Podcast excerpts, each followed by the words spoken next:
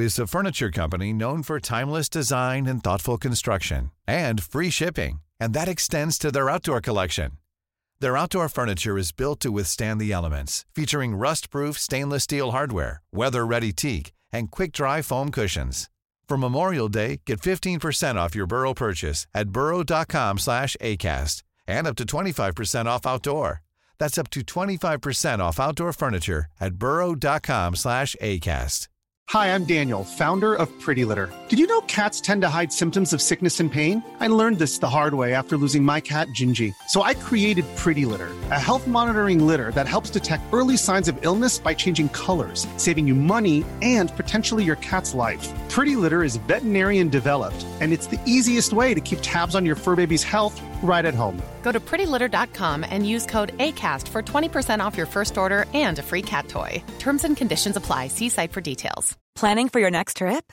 Elevate your travel style with Quince. Quince has all the jet setting essentials you'll want for your next getaway, like European linen, premium luggage options, buttery soft Italian leather bags, and so much more. And is all priced at 50 to 80% less than similar brands. Plus, Quince only works with factories that use safe and ethical manufacturing practices. Pack your bags with high-quality essentials you'll be wearing for vacations to come with Quince. Go to quince.com slash pack for free shipping and 365-day returns.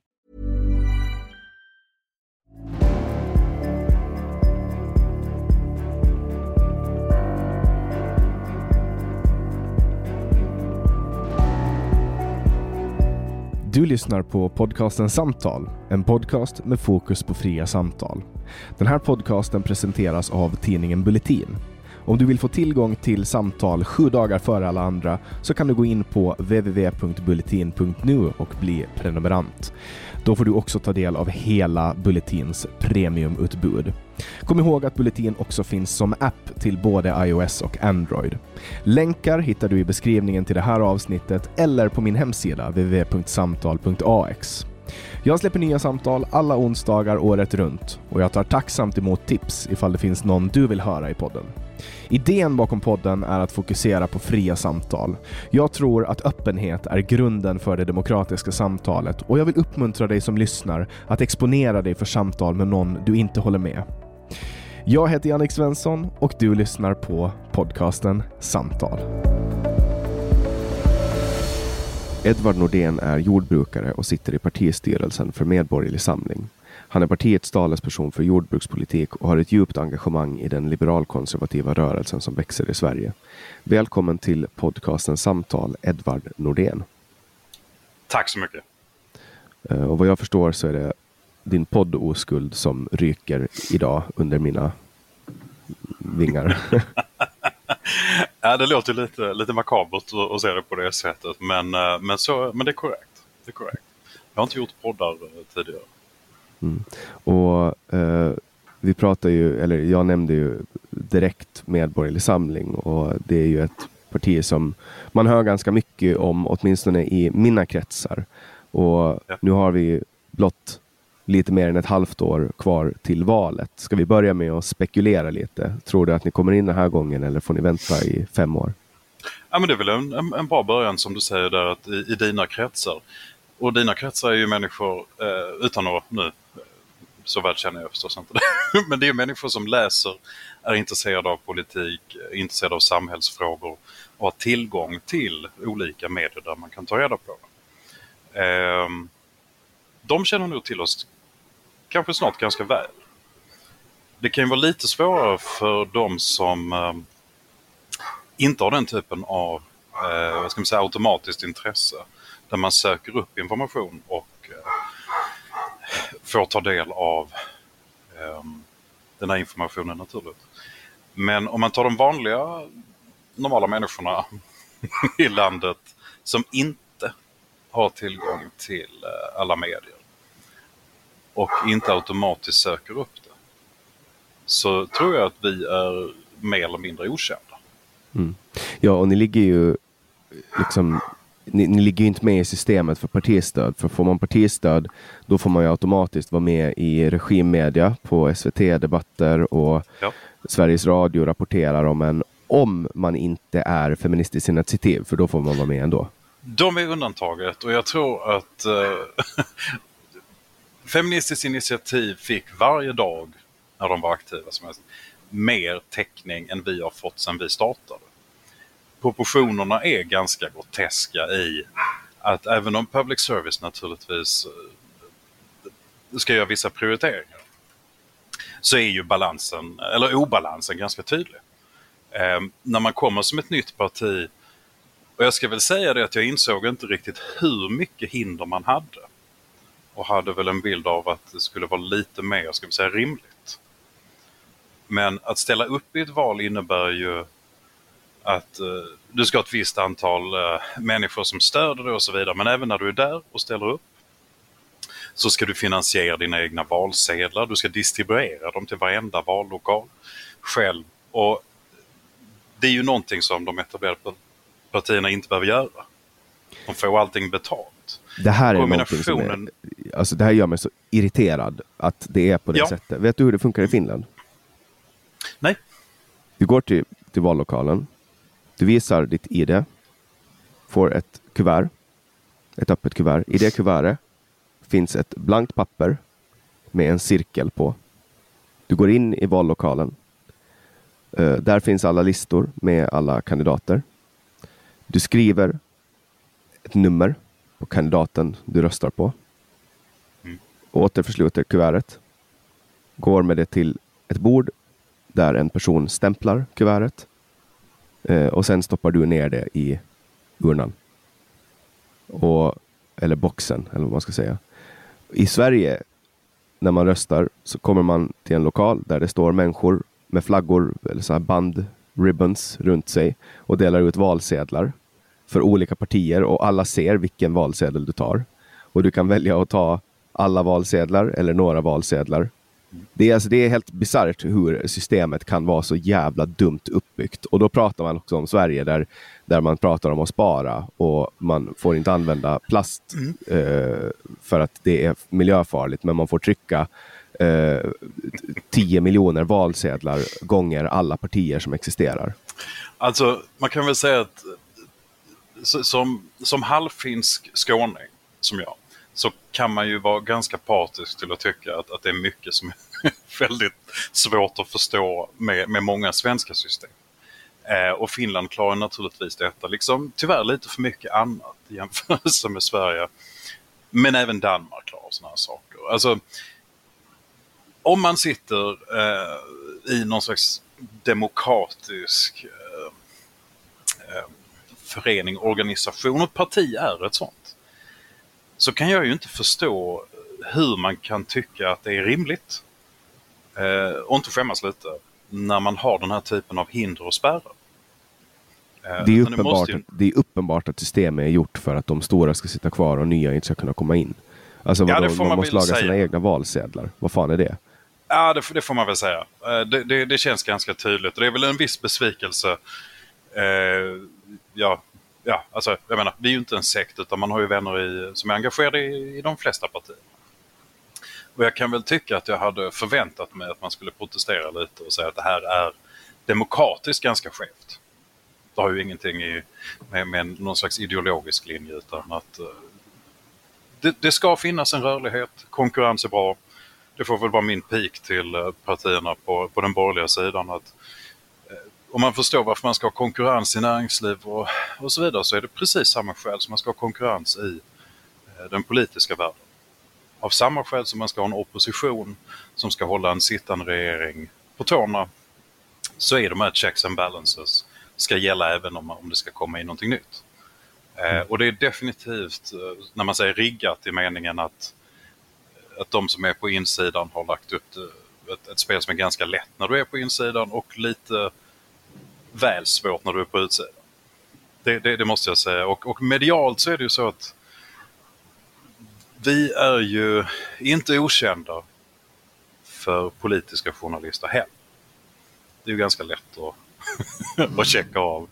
Eh, inte minst om man känner några av eh, Och intresset för att ta upp vårt parti är ju eh, alltså så minimalt som man kan eh, nästan det är bara att man inte vill säga Man vill inte låta för bitter och butter men, men det är ju inte riktigt rimligt och sunt.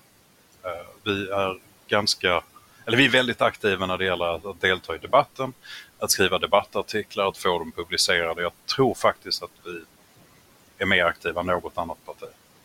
Eh, om man tittar på hur mycket vi producerar i den meningen. Eh, och det är högt i tak.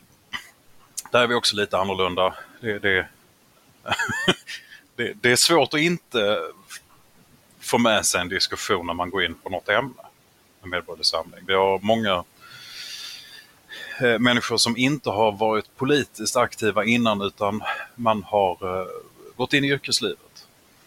Och eh, nu tycker man att det här kommer inte sluta väl. Det kan gälla, det är mycket när det gäller barn och barnbarns trygghet och framtid. Så fångar du väldigt mycket av varför människor engagerat sig hos oss.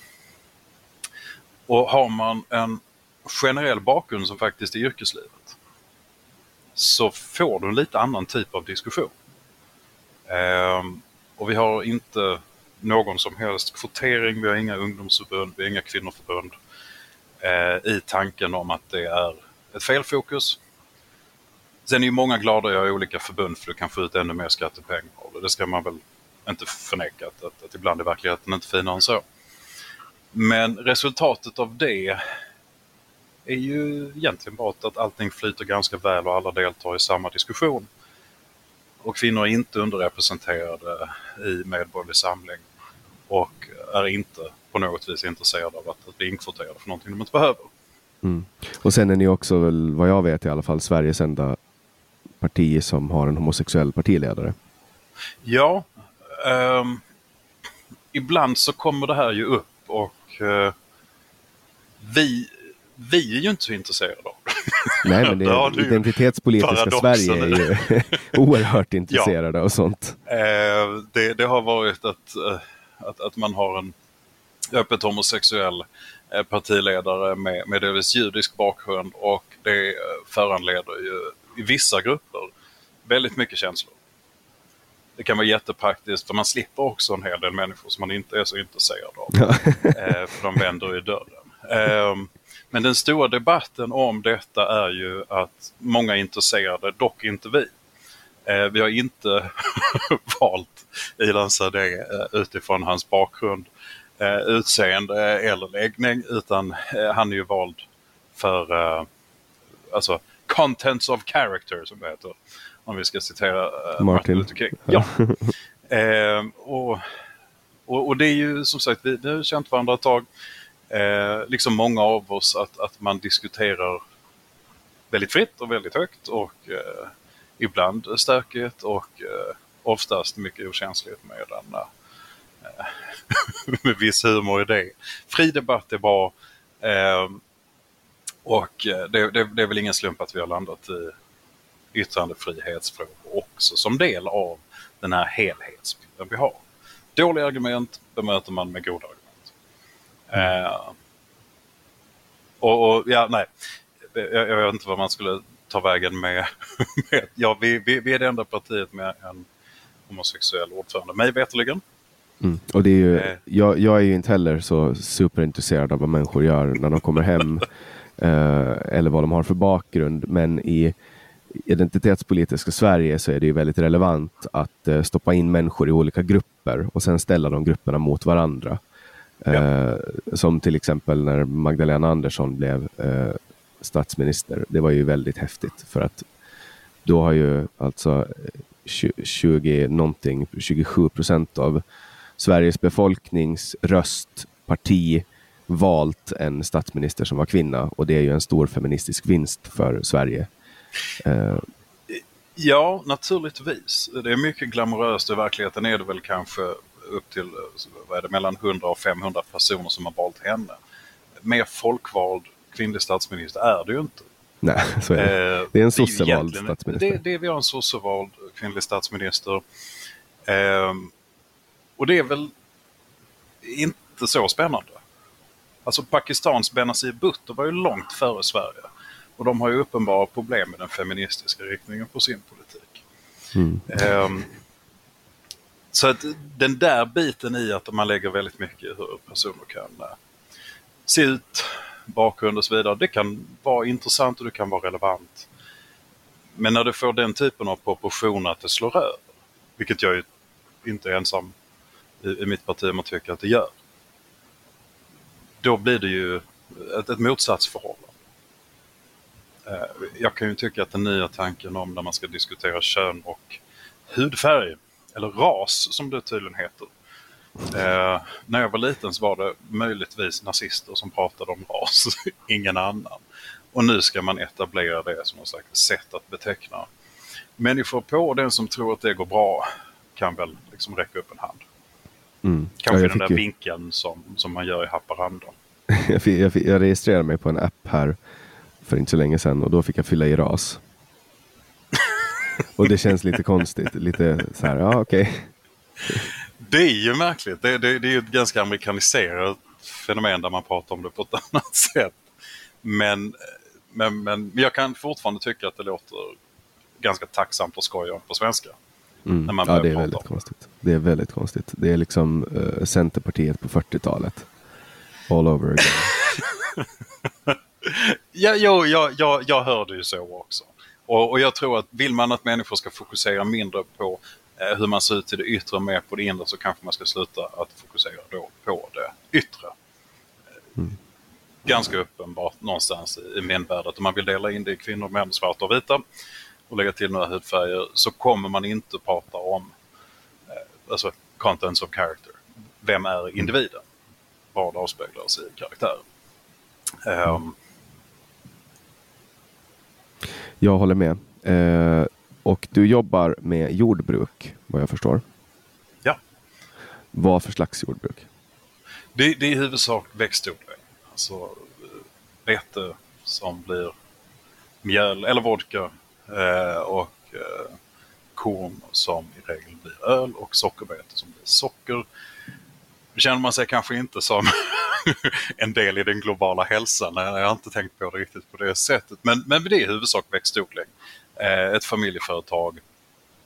Hyfsat stora för varje branschen men eh, eh, och så gör vi lite annat där vid sidan om och eh, jag har också haft generellt att man, har- man har högt i tak i diskussionen. Då. jag är ju i en bransch där man eh, till skillnad från många andra vad ska man säga, arbetsplatser och miljöer så är det tillåtet att tänka högt och, och, och tycka. Eh, man betraktas som lite udda om man är miljöpartist möjligtvis. Med, med visst fog. Men annars så, så är det så är det en ganska fri bransch i den meningen. Det, det är mycket jobb. Eh, över tid så är det ju en bransch som har tappat ganska hårt i lönsamhet. Eh, det, det är en tuff bransch. Eh, om man tar den där jämförelsen med Finland som är så tacksam så har man ju väldigt olika tankar om varför man ska ha ett jordbruk. Det vill säga varför ska man ha en livsmedelsproduktion? Varför ska man ha den eh, kontrollen över eh, att du kan, alltså, alltså säkerheten för medborgarna går någonstans ändå via livsmedel. Eh, genom kriget i Finland. Som ju uppenbarligen har präglat Finland och som uppenbarligen inte har präglat Sverige. Det vill säga det sitter inte kvar några sådana här brasklappar i det kollektiva minnet. Och det är eh, den lilla detaljen i att, att vi kanske inte riktigt har klart för oss varför vi ska göra saker. Det gäller ju inte bara jordbruk. Eh, oavsett om man tror att man kan defunda polis, vilket ju också är någon slags kännetecken för att man inte förstår grundläggande saker. Eh, så är detta en aspekt att man ibland skojar med människor som pratar om en veckas försvaret och säger att med, om vi bara har mat i tre dagar så är det ju försvaret överdimensionerat. Om du ska ha sju dagar, det räcker med tre, sen är maten slut. Vi har ganska mycket att, att gå igenom i flera vad ska man säga, kärnområden. The basics. Medan vi i Sverige politiskt sett, men även medialt vill jag tycka, fokuserar på eh, ofta liksom rent kosmetiska aspekter. Eh, Ja, att man tror att bara för att man går med i EU så har vi våra katastroflager fyllda därför att då kommer alla att stå i en ring och sjunga Kumbaya och när pandemin kommer så kommer Italien att skicka munskydd till Sverige. Ja, och sen kan man ju ta det ett varv till. Det var kanske aldrig riktigt meningen heller att Italien skulle behöva bistå Sverige. Eh, vi kasserade ju ganska mycket av våra lager. I Skåne så kasserade man ju rätt så många lager av munskydd eh, bara några månader innan eh, pandemin kom igång. Eh, det, det, det, Svalöv hade väl lite mer koll på läget i sig och det, var, det är intressant att jämföra men, men i grund och botten så ska man ju ner till de här fundamenterna för hur funkar ett samhälle? Eh, hur fungerar en stat? Eh, vad är relationen till medborgarna? Vad ska staten göra? Och livsmedelsproduktion och jordbruk blir ju en av de här fundamenten i den meningen. Nu talar jag inte som, som yrkesman utan från den politiska eh, det politiska perspektivet så, så är jordbruket en ganska märklig sak att du vill att människor ska vara företagare. Jordbrukare är ju företagare, företagare. Och sen vill du ändå att det de producerar måste göras på rätt sätt. Och produkten måste ligga inom radio, liksom för ett pris som människor kan köpa. Kan människor inte ha tillgång till mat och då är priset en del, så får du mer problem som du inte kan lösa. Och du kan inte lösa livsmedelsproblem genom import. Det, det, eh, det är lite som att ha privata miliser istället för en försvarsmakt. Att det kan möjligtvis låta bra, men det finns ett skäl till att ingen vill göra det. Mm, och sen har du också att du ger stöd till folk som väljer att odla på ett sätt som skapar mindre skörd och produkter som håller kortare tid. Det vill säga ekologiskt. Du vill prata om ekologiskt. ja. ja, jo alltså. Det där är ju en, en fråga. Ekologiska jordbrukare är ju i regel skickliga yrkesmän och kvinnor som eh, odlar på ett visst sätt, om vi ska kalla det en viss teknik. Eh, problemet är väl egentligen i mitt tycke bilden av ekologiskt och hur det funkar, att den är så skev. Eh, det, det, det, är ju ungefär liksom de vanliga 10 procenten som håller på med ekologiskt och resten av oss gör inte det. Eh, när man använder till exempel eh, kemikalier för att bli av med ogräs eller kemikalier för att bli av med skadliga giftiga svampar eller eh, eh, om du får en, en, en smärre invasion av skadedjur. På samma vis som du vill använda gödning för att det måste växa. Eh, och det är väldigt precis till skillnad från vad gödsel kan vara. Eh, så är det ju någonstans att här har man ju inte riktigt historien med sig det är ju alla de här sakerna som gör att, att det ser ut som det gör.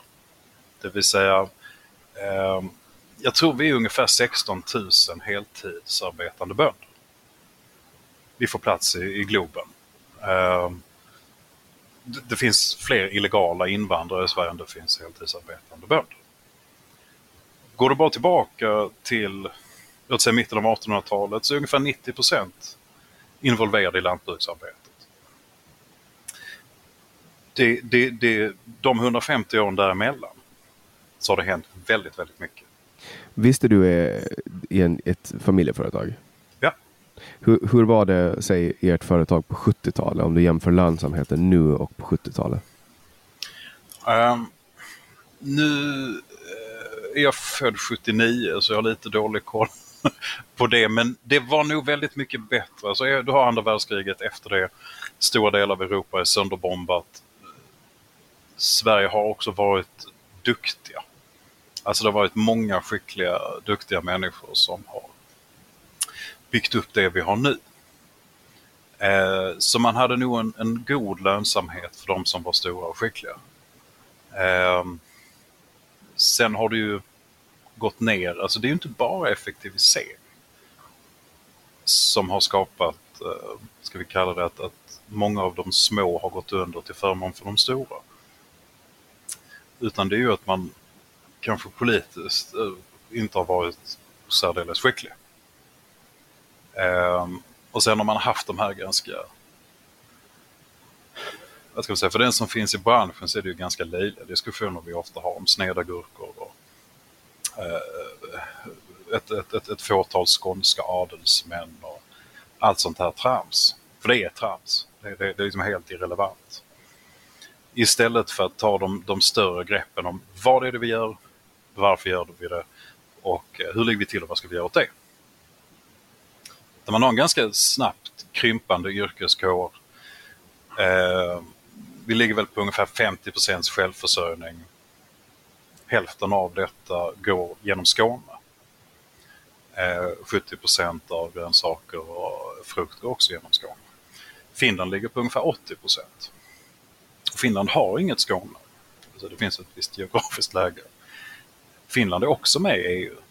I Sverige vill vi gärna skylla allting på EU och i huvudsak så sitter ju våra problem i riksdagen. Ehm, för kan Finland klara det med samma EU-regler så kan naturligtvis vi göra det. Sveriges förutsättningar är bättre. Men, och svenska bönder är rätt så, alltså generellt sett så, så är det en skicklig yrkeskår. De som inte är det är inte kvar in business. Eh, utan någonstans så finns ju problemet lite längre bort. Och det skulle jag säga, det, det är riksdag och eh, regering, det vill säga det är ett politiskt problem. Och det blir inte bättre. Eh, och känsligheten som vi har när vi har en, eh, en liten yrkeskår till antalet.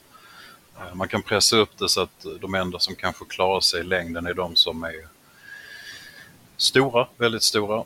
Men börjar de trilla, för de skadas naturligtvis också av en dålig politik, bara det att de inte dör lika snabbt, så får man ju en, en, en, en rätt så märklig marknad.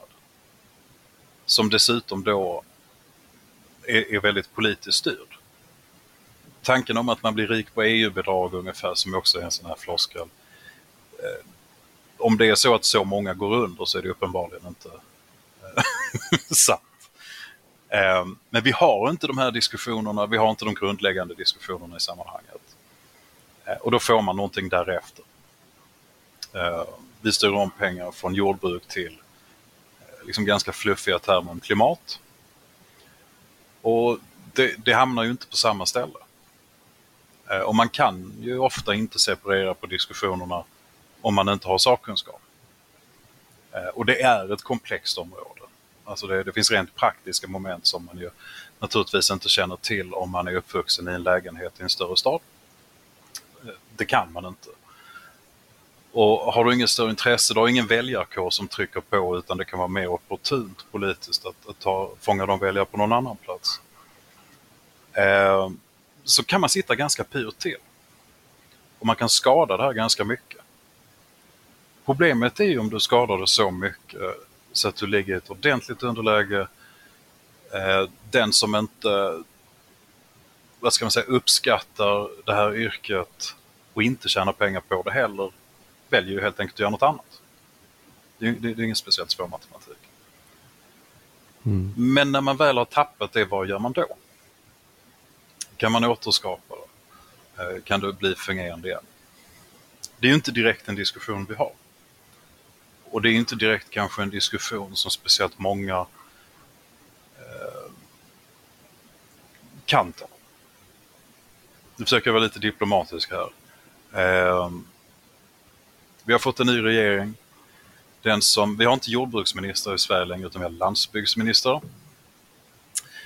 Och nuvarande eh, har ingen tidigare erfarenhet och kunskap av det utan bakgrunden som beskrevs var att, att man har jobbat i besöksnäringen. Vilket jag förstod var att man har varit bartender i Åre. och eh, det är inget fel att vara bartender i Åre. Men om man inte har ett särskilt intresse som man har byggt före eller efter det så är inte kopplingen speciellt stark. Och innan eh, sittande så hade vi Ibrahim Baylan och Ibrahim Baylan har någon slags märklig referens till att han övervägde gå in i yrket via eh, jätter i Turkiet. Att valla jätter. Jag vet liksom inte, det går ju knappt att återge utan att någon undrar om man... eh, ingen sakkunskap och innan dess hade vi en Jenny Nilsson som inte heller hade någon koppling. Utan man sa att hon kom från landsbygden. Eh, vilket inte heller ens är sant. Och det räcker kanske inte att bo i, i ett, ett villaområde i, i glesbygd. Det betyder inte nödvändigtvis att du har järnkoll på, på jordbrukspolitik. alltså, där, där någonstans har vi ju landat. Eh, och det är ingenting kanske som man lägger så mycket. Det är många just nu som är ute efter landsbygdsväljare. Mm. Det är många sådana i Sverige. Det är många sådana just nu. Eh. Och då skulle kanske någon som jag vara glad, men det är ju inte. Eh, för att det, det, är ju rimligtvis så att man vill göra någonting. Att du vill åstadkomma någonting eller att du vill förändra någonting. Att vilja ha väljare för att fortsätta med någonting är, är inte synonymt. Och vad exakt det är man vill är ju ganska, ganska svårt att utröna. De flesta partier i Sverige har varit eh, under de senare ska vi säga, 30 åren en, en, en, en, smärre katastrof. Jordbrukspolitiken är lika märklig i mitt tycke då som eh, sättet man har diskuterat eh, migration eller eh, integration, terrorfrågor med andra som jag också är liksom engagerad i. Att man, I efterhand så borde de flesta skämmas när de tittar på vad de har sagt och hur de har resonerat. Och hur svag förankringen till verkligheten har varit. För att inte tala om att resultaten är så dåliga så man får krumbukta sig med att i efterhand summera allting med vi har varit naiva. Vilket ju är någon slags omskrivning för att eh, det gick åt helvete men jag tänker att det är fint om vi tar smällen tillsammans så jag kan sitta kvar. Mm. Det är lite intressant när man går in och kollar på eh, hon Anna-Karin Säterberg, då, landsbygdsministern, eh, hennes CV. Hon har valt att inte fylla i ett enda jobb i sitt CV utan bara politiska roller. Och det enda hon har gjort de senaste 20 åren är att eh, gjort olika eh, politiska uppdrag. Eh, I princip. Ja, men så ja. ser det ut för väldigt, väldigt många. Mm. Alltså hon är ju inte helt unik där utan det är ju också någonting som vi hoppas att vi kan vara en del av att bryta. Eller åtminstone aldrig bli sådana. Du går in i ett ungdomsförbund oavsett om det är SSU eller MUF. Du går in där som fjortis och så är du kvar där och så kommer du ut i andra ändan i pension. Mm. Och däremellan har du inte gjort så mycket. Du kanske har tagit en paus och pluggat. Du kanske har tagit en paus och blivit anställd eh, på en obegriplig roll i ett företag där många tycker att det är spännande att man har blivit anställd och de är ju i regel ute efter ett kontaktnät. Och sen kommer du tillbaka och så gör du det igen. Och så tappar du den där ska säga, förankringen utåt. Oavsett om du är eh, hjärnkirurg, eh, hjärnforskare, raketforskare, sjuksköterska eller, eller, eller lastbilschaufför så är det ju så att du tar med någon kunskap in. Och summan med alla de här människorna som har någon erfarenhet eller har någon specifik förmåga. När de möts så vill jag ju tro att man kommer närmare olika verksamheter, närmare att förstå när ett problem kan uppstå, närmare att kanske se vad som inte är ett problem och vad som inte är värt att åtgärda. Eh, eller att man faktiskt kan göra en konsekvensanalys innan man hamnar i situationer som gör att man måste säga att vi har varit naiva för att sitta kvar. Mm. Eh, och där en opposition är tvungen att säga samma sak. Ni var dåliga nu, ni har inte gjort någonting på sju år, säger de. Och de andra säger att ni lyckades inte lösa några av de här problemen förra gången när ni satt i åtta år. Mm. Problemet är om båda har rätt. Min, min favorit eh, jordbruksminister, visst hette det så före va? Mm. Det är ju Eskil Erlandsson och det är bara för att han har stått och beskrivit hur man kan ha sex med djur i eh, riksdagens talarstol. Ja, du vet att den finns med Twin Peaks eh, themesång också va? ja, jag, och jag skulle inte vilja rekommendera den för, för känsliga människor utan det, det finns liksom ett, ett extra obehag i, i, eh, i, eh, i det. Ja, det är knappt så jag vet om jag... Jag ska nog inte kommentera det mer. Nej, men det är, väldigt, det är väldigt roligt i alla fall. Han är en mycket speciell karl. Eh, och, och han står liksom under den här tidelagsdiskussionen och berättar ingående om exempel på vad som ska klassas som eh, samlag med djur. Men, eh, Jag den- vet faktiskt inte varför han gjorde det. Jag, jag, jag tänker att det hade varit en sån fråga som jag hade bett någon annan att ta. Ja, kanske tagit det i utskottet. Eh, kanske inte i kammaren där det är direktsänt. Nej, nej det är ju förevigat på, på ett fint sätt. det är väldigt roligt i alla fall. Eh, så om ni vill gå in och kolla på det, sök på Youtube Eskil Erlandsson tidelag. Eh, och den nya landsbygdsministern, hon, de frågar ju alltid så här, vad, vad, vad har du gjort som är dåligt innan? Liksom? Och det är väl ett sätt för ministrarna också att skydda sig själva, att det inte händer som för Kärkäinen, att, att hennes Sieg Heil-bild kom ut på Expressen. Och då, då svarar hon här, eh, Anna-Karin Zetterberg, då, att hon har tagit kokain på 80-talet och rökt hasch. Eh, det kan vi säga om henne. Så att hon har ju åtminstone ett eh, växtintresse kan vi ju konstatera. så det borde ju vara någon form av merit om man ska vara landsbygdsminister. Det är sant. Det, det, det är sant. Sen, sen räcker det ju inte alltid bara för att man har köpt växter så betyder det inte att man har egen kompetens. men det... Jag, jag måste säga, om, om, man, om man får hoppa in på det där. Hela grejen med att människor ska ta fram om de har gjort någonting dumt. Och är man liksom 40 plus och inte har gjort någonting dumt någon gång så är man ju uppenbarligen någon slags psykopat och då ska man ju inte heller vara i, i politiken. Alla har ju naturligtvis gjort det, men herregud, tänk om man hade haft sociala medier och en kamera på sin telefon när man var 16. Eh, det, det, då hade man ju aldrig fått ett jobb. Nej, har, jag hade ju sociala medier och en kamera i fickan när jag var 16. Oj. Eh, och Facebook brukar ju påminna om det. Eh, det. Det här är du för ett år sedan eller det här är du för tio år sedan som det numera kommer på Facebook. Eller det här är du för 14 år sedan. Aha, ja, men då kanske du har varit mer skötsam än, än de flesta av oss. Om, om du kan tycka att det känns eh, okej. Man får ju låta sina synder gå ofotograferade. Ja, jo, eh, jag, jag, jag har inte kanske resonerat så i min ungdom, men, eh, men det, det är nog bra, känner jag. Eh, vi, vi, man, man måste ändå ha gjort ett, antal dumheter för att, för att kunna vara en, en vuxen människa. Ja, det är Det det, det är en del av att vara vuxen och inse att man gör bort sig och gör dumma saker som man får skämmas för. Ehm, det, det, det, det är en del av vuxenvärlden.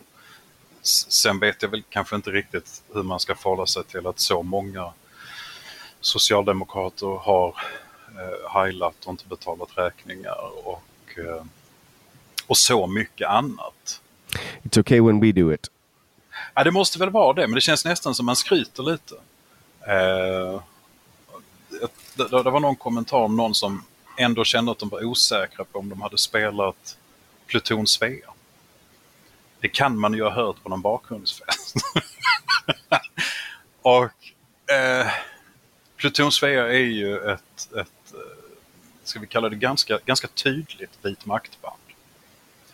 Och den som någonstans har tagit del av vad de sjunger är nog ganska klar över om man har hört det på någon bakgrundsfest eller middag någon gång.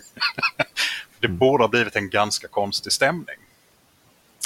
Eh, och, och, och när man ser att, att socialdemokrater och en del kanske lite mer kända namn eh, vill relativisera det på det sättet så är man kanske liksom inte helt ärlig med, med hur man ser på det. Det, det är så att jag har haft ett, ett ganska långt intresse av extremism, politisk extremism. Och eh, där var ju en del, om man tittar på vitmaktrörelsen det var ju själva musiken, att det var vissa band som blev huvudfigurer och spred eh, de ideologiska uppfattningarna med musik. Eh, och har också genomlidit eh, en del av de här banden. Dock inte kanske som Highlanders på fester, men, men alltså en del av dem är ju ganska plågsamma att lyssna på. På, på många sätt. Um, det, det, det, det, får vara, det, det får man vara ganska klar över.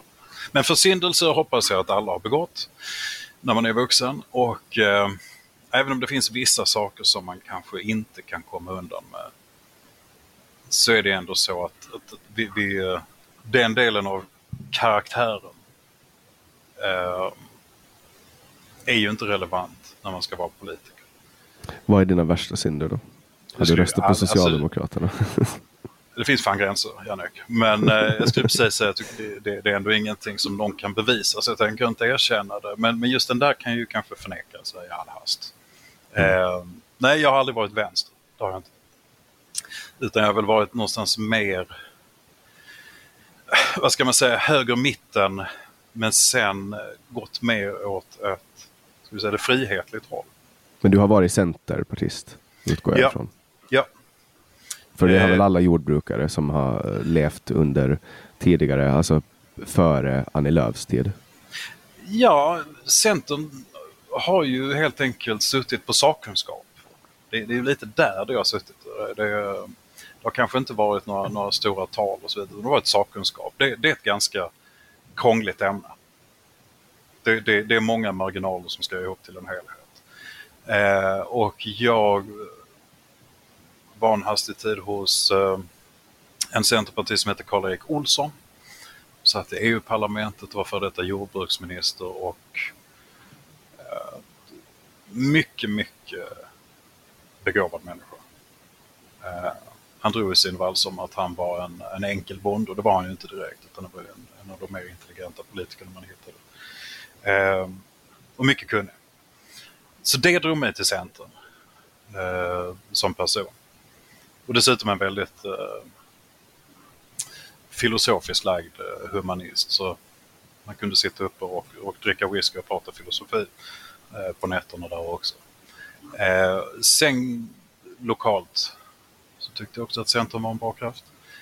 Men det kom väl lite senare med eh, det som jag tyckte var ja, jag vet inte riktigt hur jag ska välja mina ord här, men migrationsfrågorna, integrationsfrågorna, hela den saken som kom upp där någonstans 2012, 13, 14 tror jag det är när det börjar spåra ur i mitt.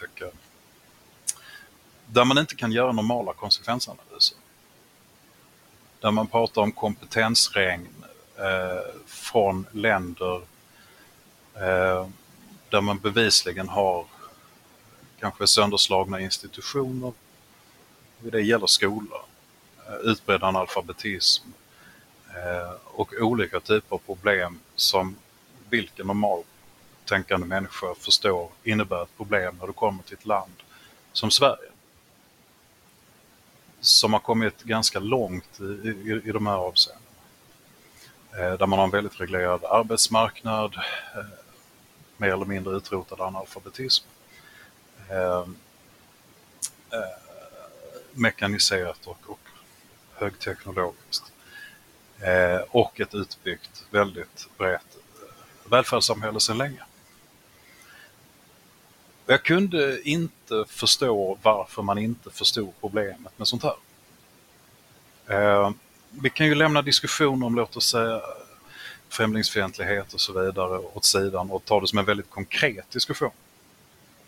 Var det problemet om eh, du har ett, ett, ett snabbt influx av eh, människor som kommer från en helt annan bakgrund, kanske kommer från eh, en, en konfliktzon. Med allt vad det innebär.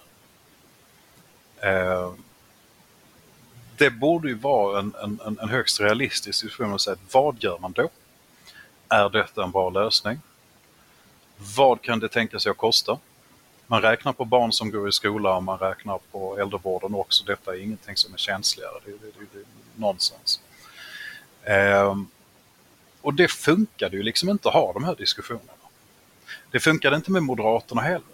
Och inte Liberalerna heller. Och inte Kristdemokraterna heller.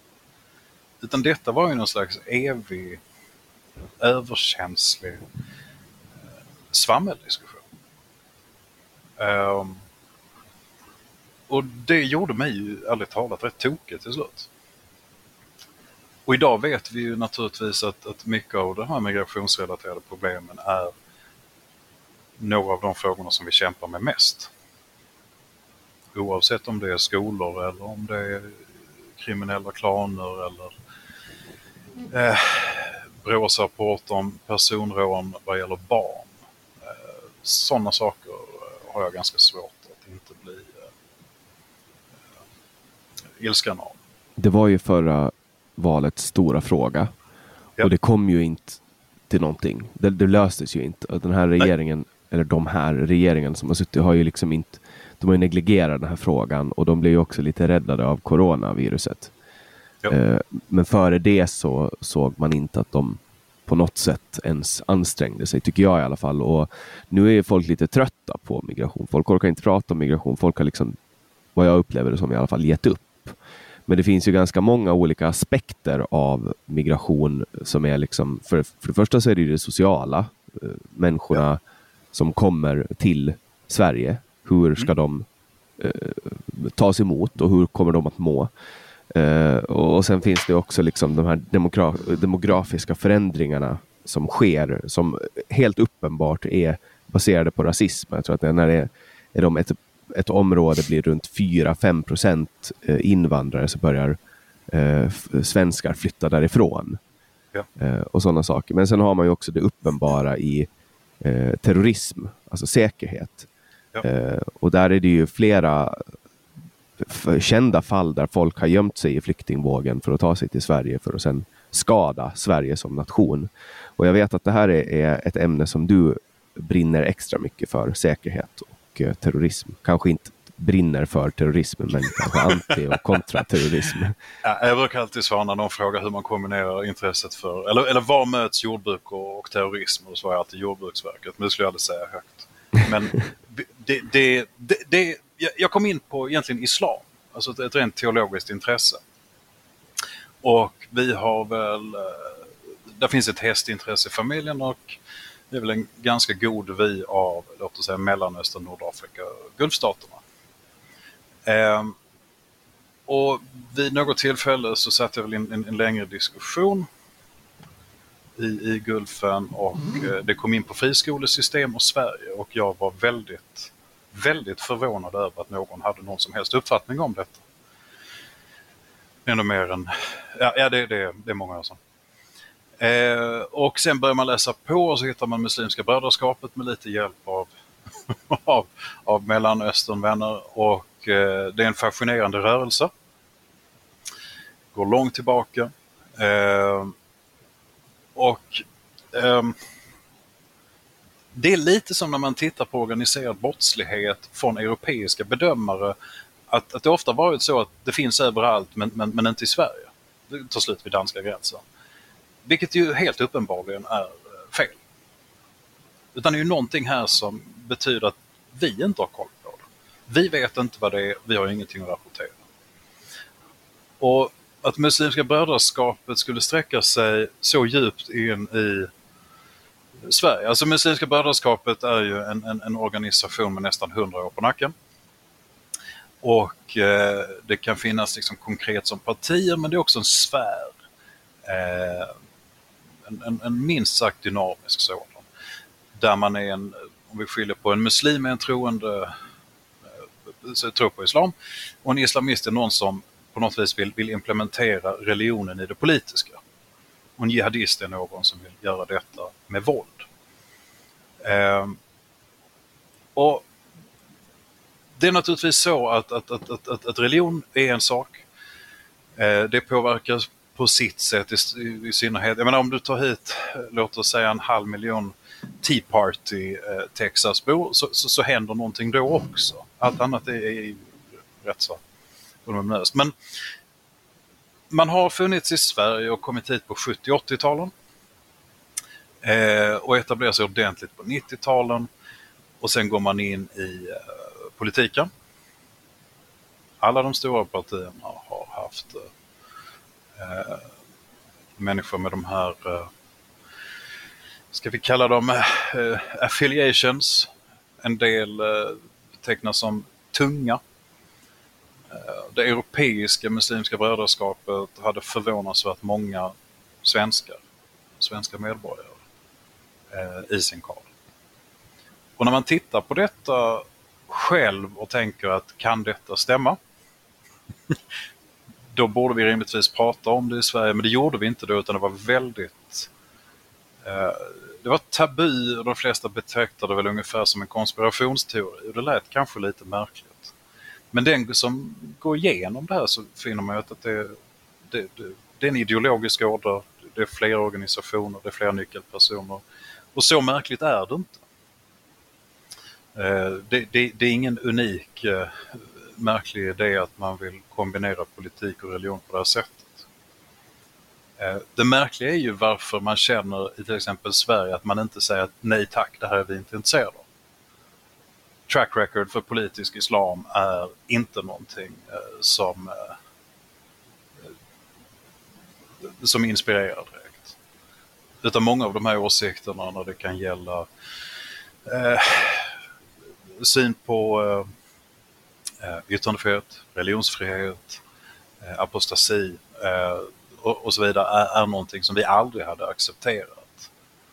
Om man inte hade blandat in lite känslomässigt eh, dravel och pseudodiskussioner i det.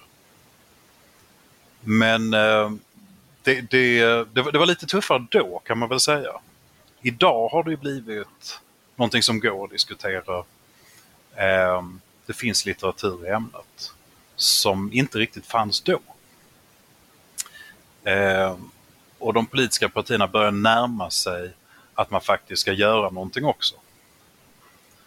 Jag tror jag kan påstå att, att alla riksdagspartier, frånsett SD, på något vis är med och ger skattepengar till islamistiska föreningar, moskéer och organisationer. Och är det inte på statsnivå så har du den kommunala nivån. Eh, och det är också en, en dealbreaker för mig. Jag skulle aldrig rösta på ett parti som gör det. Det är helt obegripligt eh, varför man accepterar det. Och oavsett vad man säger så, så, är man faktiskt fast i det oavsett om det är Malmö, Göteborg, Stockholm eller småstäder. Och det är inte att göra den, vad ska man säga, vanliga muslimska befolkningen en tjänst. Det är också en, en helt obegriplig bild av det. Utan det, det föder ju motsättningar.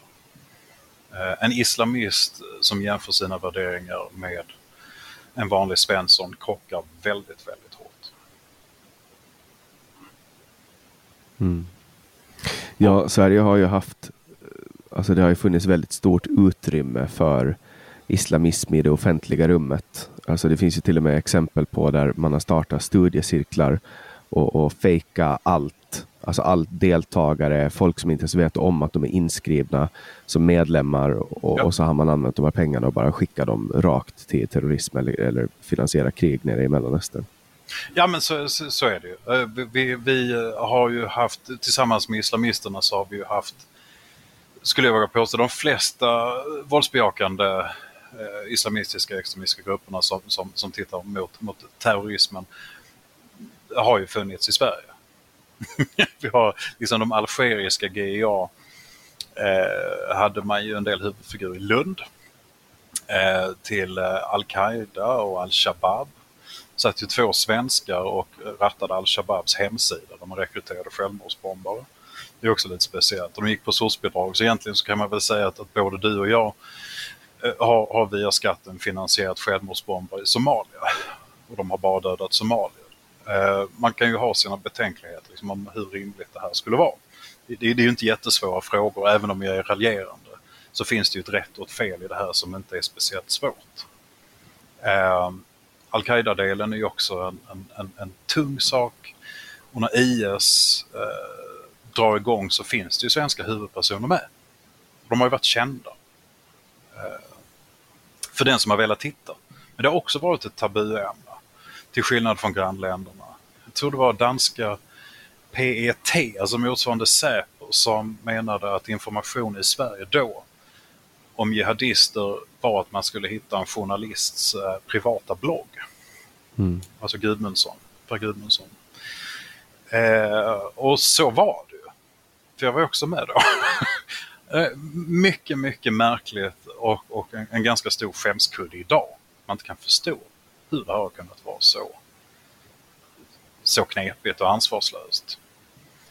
Och eh, att Sverige har haft väldigt många som har åkt ner till eh, Syrien, Irak och IS. Liksom Afghanistan, Somalia och Tjetjenien. Alltså, det är ju uppenbarligen så att man har ett problem om ett eh, icke-religiöst, mer eller mindre sekulärt eh, kristet land i, i norr, i Skandinavien, producerar en massa islamistiska jihadister. Mm. Så borde det ju liksom kunna vara så att man säger att här finns en ledtråd eh, som vi kanske ska följa upp, att nu är det någonting som är konstigt. Och när man bidrar till att som regel mörda civila, det är ju det de gör i tredje land, så har man ju ett ansvar politiskt i Sverige som man inte kan ducka för. Men det har man duckat för. Man har duckat för det väldigt grovt, det har varit känt, man har inte orkat, man har inte vågat. Det är ju samma logik från eh, hedersvåld till barnrån till eh, IS-jihadister. Det är jobbiga frågor. Man är eh, bekymrad över att någon kan tro någonting. Um, ja, och sen också man... det här det faktum att man riskerar att bli kallad rasist om man, om man värnar om säkerhetsfrågor. Jo, jo visst, men, men, men det är ju ändå så att där, där får man ju ha lite egen ryggrad. Alltså någonstans är det så att om du är mer bekymrad över att någon som du inte känner kan tro någonting om dig som inte stämmer istället för att någon, till exempel en flicka knuffas från en balkong eh, eller att någon mördas i ett annat land så är man ju en tönt och då ska man ju hålla sig mm. borta från politiken överlag. Det är ju väldigt många töntar i svensk politik. Ja, det är det. Eh, och det vore fint om man slutar rösta fram dem hela tiden eftersom resultatet kanske inte blir fantastiskt. Det finns jättemånga, jättemånga kompetenta, duktiga människor i Sverige och eh, problemet är att de inte vill gå in i politiken. Och då får man i regel eh, de som kanske inte skulle vara det. Man, eh, man får ju de revolutionärer som ställer upp, som det heter. Eh, du får inte välja själv. Och vi sitter med det, det är ju en aktuell fråga. Vi, vi gjorde en polisanmälan av återvändande, alltså IS-återvändare. Jag, eh, terrorforskaren Magnus Norell och Ulf Boström, eh, stridbar polis från Göteborg och eh, eh, ska vi säga, Janne här från, eh, tappar jag namnet, Arbetarpartiet i Umeå. Det vill säga vi kom från lite olika håll eh, ideologiskt och tankemässigt.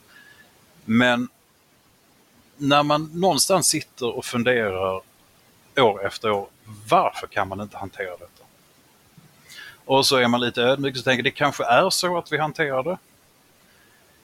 Men när man till slut förstår att vi har ju de här människorna som har fullständigt vansinniga idéer om vad de ska göra och vad de får göra.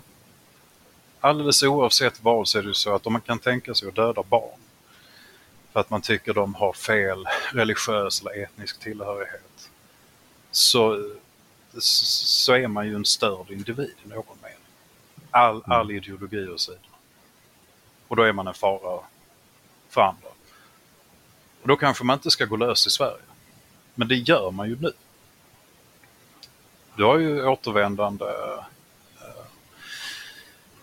eh, IS-resenärer från eh, i, i, i de flesta, alla stora städer och även ganska små städer. De flesta hade blivit förvånade. Och vi vet inte vem de är, för det får vi inte reda på. Vi vet inte hur det går för dem. Vi vet inte om de är rehabiliterade.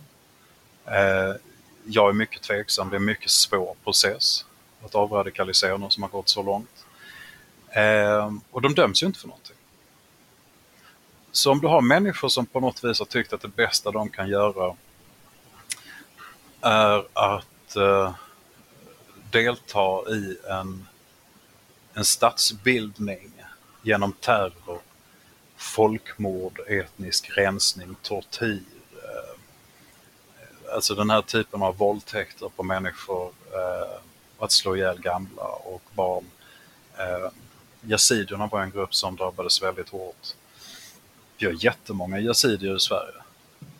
Så att först låter vi terrorister åka ner, delta i detta, offren har flytt till Sverige, sen kommer de efter dem tillbaka hit och vi sitter och funderar på om det kanske är rasistiskt eller islamofobt. Eh, att ta tag i det här. Det är ju en fullständigt bisarr tolkning av hela det här läget. Som, som gör mig väldigt eh, föraktfullt och oförstående.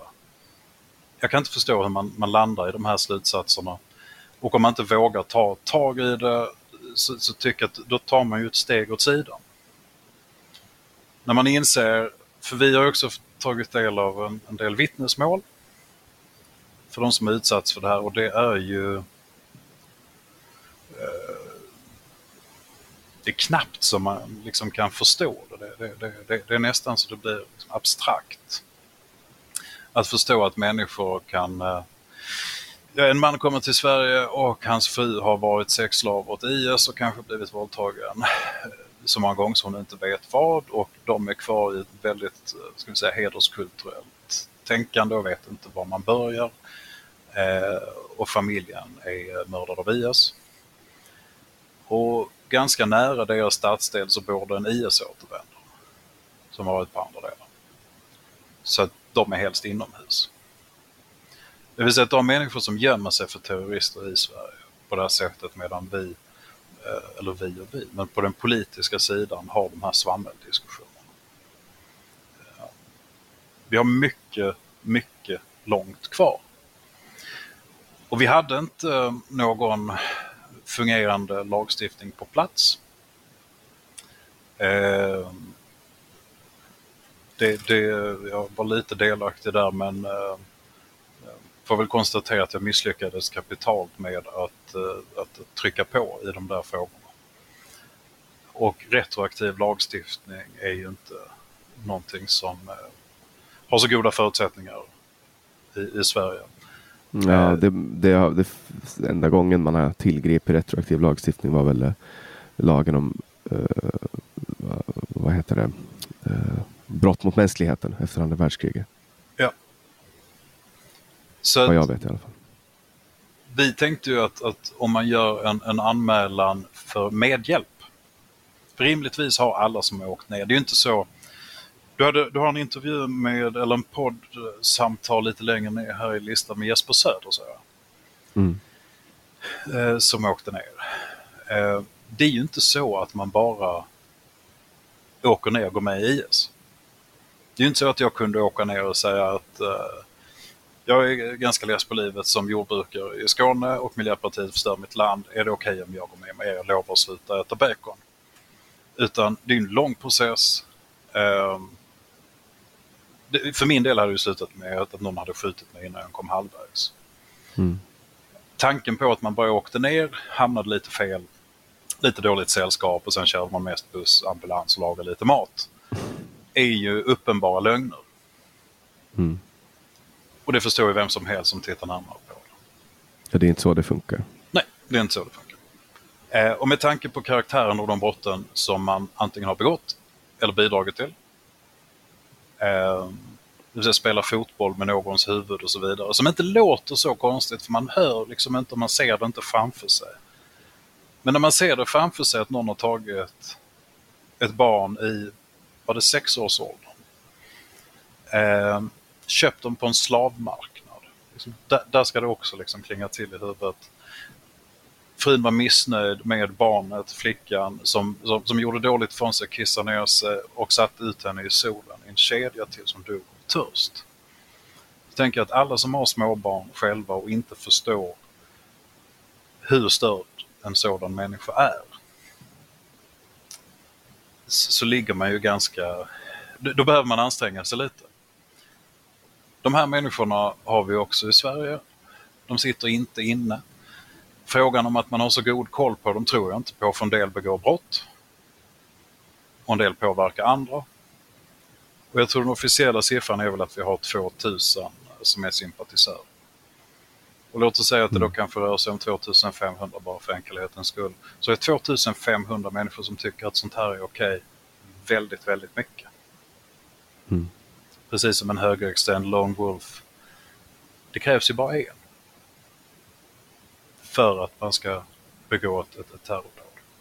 Om du har 2500 mm. som är så långt ifrån. 2500 liksom en, en, en, en, en, en civilisationstanke och har så lite känsla för andra människors liv så blir det ganska farligt.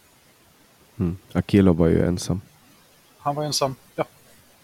Eh, de som skulle åka ner eh, och eh, skära halsen av dem på Jyllandsposten var ju också fyra stycken. Eh, de körde ju från Sverige också.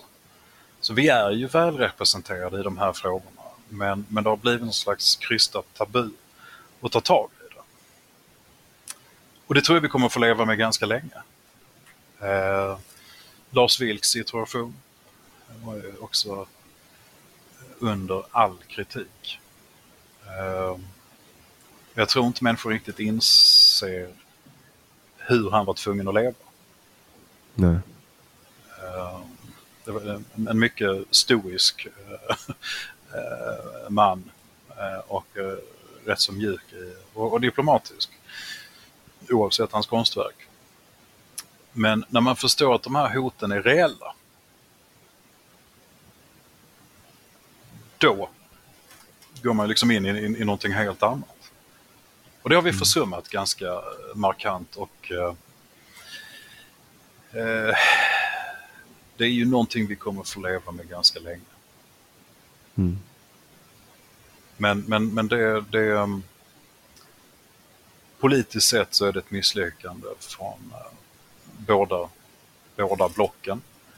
Uh, och jag tänker att i normala fall så, så hade man eh, avgått. När man någonstans utsätter befolkningen för den typ av säkerhetshot som det är. Och de som kanske är mest rädda är de som utsatts för dem redan. Men de har liksom ingen röst i detta. Eh, och en del tänker att det kanske är så att vi inte vill göra någonting. Och då är det kanske bäst att inte väcka den diskussionen. Mm. Eh, och det kan man väl tänka sig att det ser så galet ut att man utgår från att det finns någon annan tanke. Och frågan är ju så varför är det så att, att vi låter så många ämnen gå? Eh, alltså, om man får korsbefrukta ämnena. Vi har en diskussion här om elektrifiering av fordon och jordbruk. Men i verkligheten är det ju så att vi sitter och tittar på om man ska ge bidrag till folk som klarar av elräkningen. Mm. Ja, ja, det är ju Och helt... vi ska lägga ner kärnkraften. Alltså, vi är ju inte riktigt uh, stringenta i tanken här. Nej, men det här är ju någonting som att, att regeringen, de vill att man hellre ska få, få stöd om man har en hög elräkning istället för att bara lyfta bort lite skatter. Det är ju deras skatter som gör att det blir dyrt. Ja, det, det, det är ju det som, som knockar över kanten. Men det finns liksom ingen, för mig, begriplig linje i detta man kan ju naturligtvis ha en, en, en, en rak och, och, och, röd tråd eh, i sitt resonemang alldeles oavsett eh, vilken vänster eller högerkant man kommer. Men vårt problem är ju ibland någonting annat. Tänker jag mig. Lite som man kan beskriva historien som, som någonting som ger det, eller att man bara ser historien som den ena jävla saken efter den andra. Mm. Det, det är lite sätt att se på. Och de problemen vi har, oavsett om det är kriminalitet eller att skolan uppenbarligen inte en fantastisk plats på speciellt många håll längre. Eh, eller att vi inte är självförsörjande vid en kris. Ehm, eller som jag ser att eh, överbefälhavaren går ut i Dagens Nyheter och säger att vi har inte ammunition nog om det skulle bli krig. Ehm, det är ju egentligen väldigt, väldigt märkliga saker. Alltså det är förbi anmärkningsvärt. Det är väldigt märkligt att vi har alla de här skeendena där hälften av oss tänker att vi är på väg helt downhill. Och den andra hälften tänker att det har aldrig varit så tryggt som det är nu. Eh, det är trist med elräkningarna men de var kanske för billiga innan. Eh, det är klart att jag vågar gå ut i min villaträdgård utan att bli gruppvåldtagen. Eh, då tycker jag vi avslutar diskussionen där. Sluta vara så rädda. Ehm, jag upplever att du har en ungdomsgeneration som oavsett vad alla politiskt korrekta föräldrar antyder så förstår de själva när de är ute att de behöver akta sig. Mm. Det är ingenting som deras föräldrageneration själva behövde göra. Det är ett svek. Men det är också kanske att man inte kan sätta ihop saker och se hur det fungerar. Hur tror du att det blev så här då? Jag tror man är eh, välfärdsskadad, fredsskadad. Eh, att man har tänkt att saker fungerar väl ändå. Och då eh, tar man ett steg ifrån allting. Och man deltar inte i eh, någonting av detta. Eh, och så har du partierna. In med partistöd. Det vill säga det är inte arvode eller lön utan partierna får pengar och så disponerar de dem. Och så kopplar du ifrån dig från dina medlemmar. Och när du får den typen av frikoppling så tappar du demokratitanken. Du tappar ju också den input som väldigt många aktiva människor har när de deltar i en demokrati. Eh, och så korrumperar du det är lite att om du har ungdomsförbund som har gratis inträde eller gratis medlemskap och sen får de pengar via, alltså skattebetalarnas pengar när de har många medlemmar. I, I, min värld så är det väl ett väldigt bra sätt att lära unga människor som vill bli politiker på hur du korrumperar sönder någonting genom att ha helt skeva incitament. Mm. Och till slut så slår det väl ut i allmän blom. Och det har blivit en väldigt stark höger eller vänsterfråga att tycka någonting oavsett om det är musiksmak eh, eller hårda frågor. Jag tänker att vi har ett medieklimat som inte fungerar riktigt. Jag vet inte, jag har inte så bra koll på Finland men hur många liksom, alternativa medier har man i Finland? Jag eh, kan ju inte finska eh, så jag har väldigt dålig koll på men det. Men du där. känner inte till några, eller hur? Alltså, inte, alltså i och med att jag aldrig läser finska tidningar på grund Nej. av att jag inte kan språket så, så vet jag faktiskt inte. Och hur många norska har vi? Och hur många danska har vi? Så är svaret att ja, nej, ingen av oss läser liksom alternativa medier i grannländerna. Och hur många har vi i Sverige? Och så kan du räkna upp 30-40 stycken. Varför är det Mm. så? Ja, uppenbarligen finns det ju ett behov. Mm. Jag bor ju nära Danmark. Danmark är ett, ett bra behagligt land. Eh, och, och där sitter danskarna generellt sett och är ganska nöjda när de har läst sina tidningar eh, och gått igenom vad deras politiker tycker. De känner inte att de kanske måste komplettera det eller säga vad det egentligen handlar om. Eller finns det något att tillägga och så vidare. Och så kommer man till Sverige där uppenbarligen väldigt många har det behovet. Det kryllar ju av olika alternativ eh, och nya medier och, och nya vinklar trots att vi har ganska gott om etablerade medier också.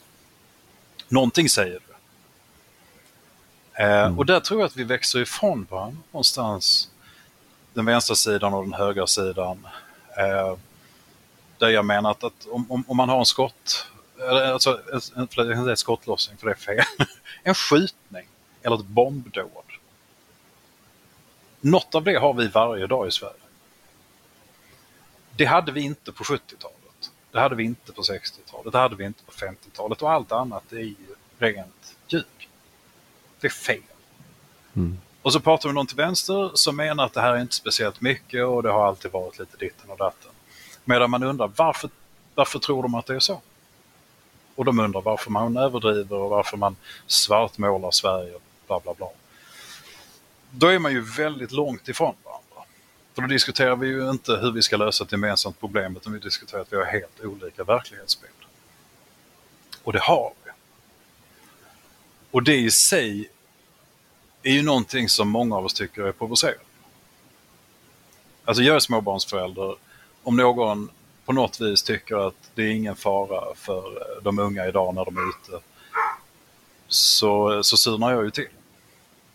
Jag tycker det är fruktansvärt att så många unga utsätts för eh, våld, hot.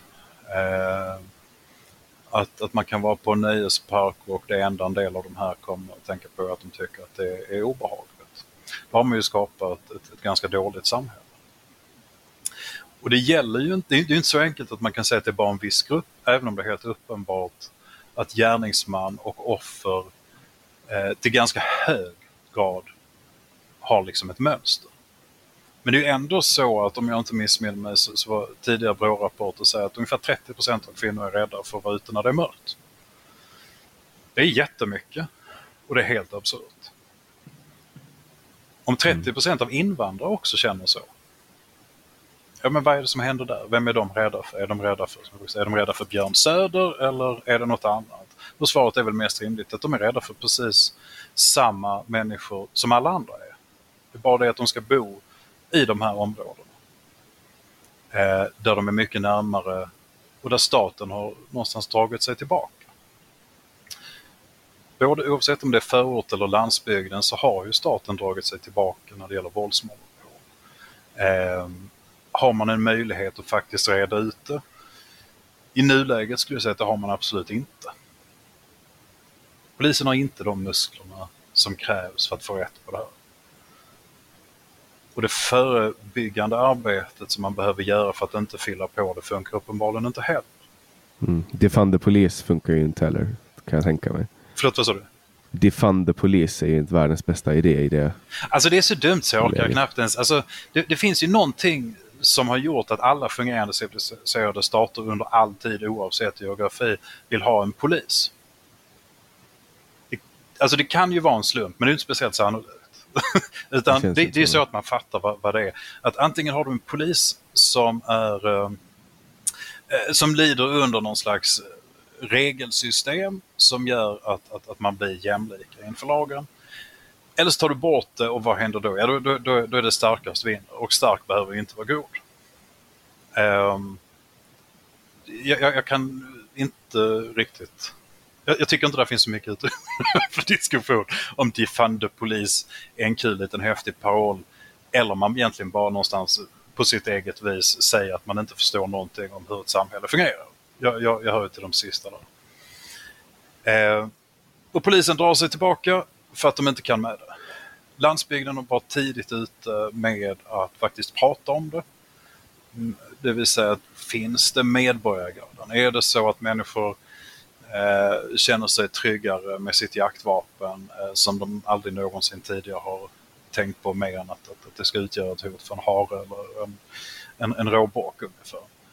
Eh, men det här har ju inte nått kanske den politiska eller mediala diskussionen. Det finns väl en viss koncentration eh, av journalister som kanske inte då eh, är ute på vischan. Eh, utan man bor lite mer urbant. Och sen till slut så hinner allting ikapp. Där tänker jag att vi är nu. Nu har väldigt mycket av det här hunnit ikapp. Ehm, de åtgärderna som man ofta vill ha matchar liksom inte riktigt takten som det här åker i. Ehm, och så länge man inte kan ha en rak diskussion där man i alla fall delar eh, grundförutsättning, eh, vad är fakta, vad är underlag, så kan jag ju inte se hur man löser det här. Ehm, för, för, för, då har du en lösning utifrån en verklighetsbeskrivning och vi här borta har en lösning för det, detta är vårt underlag som vi tror att det är. Mm. Där skulle och, jag säga att medierna inte kanske och, har varit en riktigt bra part. Bensinpriserna är ju någonting som är extremt relevant för de som bor ute på landet. Kanske inte för de som styr och ställer som bor i Stockholm. Hur, hur påverkar bensinpriserna eh, landsbygden ser du? Det, det, det, det, finns ju eh, det finns ju de som naturligtvis inte har ett ekonomiskt problem av det. Men det är väldigt många som har det. Eh, de hörs ju inte i den här debatten mer än att man kanske skriver arga saker på Facebook. Men det är ändå så att, att det är många som inte har råd att tanka bilen. Eh, som har det orimligt kallt hemma och ändå inte kan betala. Eh, man har privatpersoner i de som, som har en svag ekonomi så är det ju förödande. Jag, jag, kan inte förstå hur man kan tycka att det är rimligt. Eh, som sagt, du har ju alltid skatten däremellan. Även om de om, om, om du kan ha vad ska man säga, en internationell marknad av det så har vi ändå skatten som ett styrmedel. Och när så många faktiskt råkar väldigt illa ut för att man inte klarar ekonomin. Så, så är det väldigt svårt att förstå hur man inte kan eh, se det som rimligt att försöka lösa det. Och det kan man. Eh, det är inte så att nu, nu pratas det om att man ska ta bort skatten för januari och, och februari. Jag kan tycka att man kan väl våga vara högre. Ta bort skatten. Alltså nivån på skatter in och ut i Sverige och vad det eh, till stor del slösas bort på. Uh, här finns ju liksom någonting att jobba på. Och sen har du en industri, du, du kan ju inte driva ett företag som är elintensivt utan att detta slår på väldigt hårt. Uh, och tar du jordbrukssidan så är det ju så att oavsett om man vill att, uh, att, att traktorer ska gå på enhörningar så, så är det diesel som vi har nu. Eh, en, en, en, en traktor storlek lite större, det är en halv miljon uppåt. Eh, de är moderna, de håller ganska länge. Om man vill att människor ska byta in dem mot någonting diffust så behöver man se till att ha det alternativet framme. Och så ska det vara tillgängligt ekonomiskt och så vidare. Och så vidare. Och det kommer uppenbarligen att dröja. Eh, och då blir ju de här skatterna, de fyller ju ingen funktion. Så de är inte miljöstyrande. Eh, för, för det kostar så mycket ändå och du har inte alternativet att bara sluta med utan de är fiskala. Det är bara pengar in. Och nu har vi gödningspriser och, eh, och lite annat som är så höga så att jag inte riktigt kan se var det tar vägen. Alltså det är fortfarande så att, att du har inget alternativ till eh, gödning. Eh, vill du att det ska växa och det ska växa rätt och det måste det för du ska ha rätt kvalitet. Eh, annars är det ingenting som en människa kan äta. Eh, vill man att man inte ska ha gödning, och det är en klassiker, och vi ska gärna ha liksom en köttfri kost också, då har du inga djur, då har du ingen gödsel och du har ingen gödning och så vidare. Då har man naturligtvis ingen livsmedelsproduktion alls. Vill man att man inte ska använda diesel, ja, då tar man fram ett alternativ. Det alternativet är inte realistiskt just nu. Och du kan inte ha dieselpriser på de här nivåerna och tro att det funkar. Eh, för det gör det inte. Utan jag har väl för första gången i mitt liv hört om, om, om jordbrukare som att de inte ska så någonting till hösten om inte det här regleras. För oavsett om man nu gillar det man gör och vill göra det och vill odla någonting och det är viktigt med mat så är det ändå så att du kan ju inte sälja eh, en varmkorv där, där korven kostar 5 kronor, brödet 5 och så ska du sälja den för 7. Då får du göra något annat. Ja, då går man ju back. Ja. Och den, den, den backväxeln finns inte och, och, och den ekonomin har inte branschen heller. Det är som sagt, om du dividerar ett antal miljarder ner på 16 000 personer så, så, så finns det liksom ingen, ingen rimlighet. Eh, och handeln kommer inte heller ta den. Och ska man då lägga över det på konsumenterna? Jo, det kan man ju göra. Eh, Folk betalar ju dyrt för ekologiskt. Um, för att de tror att det är bra för, för uh, miljön och klimatet. Jag, jag, tror att om alla som sa att de betalade väl för ekologiskt faktiskt hade gjort det så hade nog den ekologiska marknaden varit väldigt intressant. Men i verkligheten så är det ju inte riktigt där. Um, utan de flesta äter uh, uh, någonting som, som kan vara av medelgod kvalitet. Rätt så mycket av det vi importerar produceras ju under former som faktiskt är olagliga i Sverige. Eh, det, det, det, det, är ganska stor skillnad med allt från antibiotika till kemikalier och så vidare.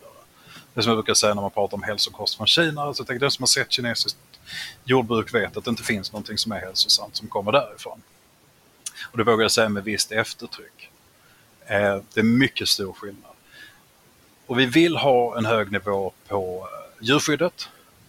Vi vill ha en väldigt låg nivå på antibiotikaanvändning och det har vi också. Eh, och den är högst eh, rimlig skulle jag säga att nästan de flesta bönder tycker så. Om det är så att du måste ge antibiotika löpande för att ett djur ska växa och klara sig och inte dö, så tycker de flesta av oss att det är en ganska skev sak. Och det gör man inte i Sverige, utan man ger det när ett djur är sjukt. Eh, nivåerna bara ute i Europa är så många gånger högre för flera att, att, att, att många av oss som finns i branschen inte äter det. Eh, vi vet vad det innebär. Det, det, det är inte direkt militanta veganer som, som passar med en bransch. Men vissa saker äter man för man tycker att den här nivån är inte sund. Och vissa nivåer eh, på vad ska man kalla de här mellanprodukterna, eh, alltså det är ju ingen riktig mat ibland utan det är, det är konsistens med en kemisk smaktillsättning. Eh, det är ju något helt annat. Och vill vi att man ska göra det på ett visst sätt, och det vill man uppenbarligen i Sverige och det är lagstiftat så, så, så, är det ju ett problem när samma partier som har lagstiftat om detta i riksdagen sitter ute i kommunerna och köper in sånt som den lokala bonden hade fått fängelse och djurförbud för. Med motiveringen ja. att annars blir det lite dyrt. Och då tänker man på oss bönder, no shit. De, de, eh. lagar maten på någon central anläggning och sen rullas den ut i bilar som håller dem varma och sen ångas det upp ja. eh, när det kommer fram till skolorna eller äldreboende. Det, det, det, är ju inget ovanligt fenomen. Men man kan ju inte stänga export heller. Alltså protektionism är ju inte nödvändigtvis eh, en speciellt lyckad linje historiskt. Det behöver man inte göra här. Men man kan inte ha hur skeva konkurrensnivåer som helst. Utan det får vara liksom någon slags rimlighet. Eh, och då krävs det att man har politiker med sig som kan det i sak, förstår mekanismerna och också vet att om vi fortsätter på den här linjen så, har vi ett så, så är vi så sårbara när det gäller livsmedelsproduktion att, att det är ett problem. Mm ja. Ja, eh, mat, matförsörjning är ju ingenting som borde vara ett problem i Sverige idag. Eh, eller priser, jag menar kolla till exempel på priser på mjölk och eh, hur, hur mjölkbönder lider under EU. Eh, Europaunionen är ju en sällsynt dålig idé, eller jag vet inte om idén är dålig, jag lägger en värdering i idén, men kolla bara på hur utfallet har blivit och hur EU nu låser in EU-länder så att de inte ska kunna lämna om de vill göra som Storbritannien. Ja, det är väl, jag tycker väl att idén är väldigt god. Eh, men har gått från att vara väldigt positiv till EU-samarbetet till att, att eh, tycka att, att, att det finns ganska mycket förbättringspotential. Um, när det gäller jordbruket så är jag lite bekymrad över var man är på väg. Men tanken på att sitta utan liksom EU-lagstiftningen själv med svenska politiker är ju mycket ångestladdat. Uh, det är nästan som man uh, ehm, skulle behöva ta på sig liksom en kastrull på huvudet i jordkällan vid den tanken. Att, att, att, man inte, att man ska vara helt själv med, med den nivån som vi har i Sverige. Men trams åsido, alltså, jag tror att, att, man är på väg lite på fel håll i EU-samarbetet när man fördjupar de delarna som ingen egentligen efterfrågar förutom politiker. Det finns ju vissa ramverk som kan vara högst rimliga eh, att ha ett europeiskt samarbete där, där vi har stora grannar som eh, inte alltid är så vänligt sinnade. Att, att, att vi har Ryssland på den ena änden men mer problematiskt i min värld är ju Kina. Mm. Att kunna tackla den kolossen som Kina kan innebära och redan innebär.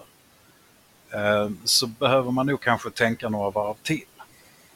Och att sitta själva och delade i enskilda europeiska länder visavi den typen av hot eh, är också en, en, en, en mycket situation. Men jag, jag, kan väl inte riktigt släppa den här tanken om, om att, att vi ehm, går på djupet med detaljer som, eh, som inte är relevanta. Att det blir lite, lite för politiserat, alltså i meningen att man inte riktigt håller balansen man kan ju inte ha, eh, jag tror det var Liberalerna och Centern som ville stänga ut alla som man tyckte var högerpopulister. Vilket det blev ganska många sett till hur Liberalerna och, Centerpartiet har resonerat. Men, men man kan ju inte stänga ute ett, ett, ett antal miljoner europeer och tro att, att det funkar.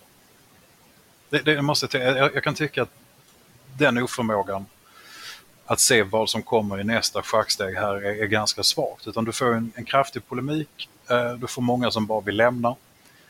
Och det är lite som de där Sverigedemokraterna som inser eh, i, i deras värld att de aldrig kommer få regeringsmakten. För de andra partierna säger till 20 procent av befolkningen att ni kan rösta på det här hur mycket ni vill, ni kommer ändå aldrig få någonting att säga till om. Och när man har kommit till den platsen så, så bör man kanske fråga sig om man har gjort den här demokratiskt sinnade personen en tjänst. Eller man har bara har höjt insatserna för att få en polemik eller en radikalisering.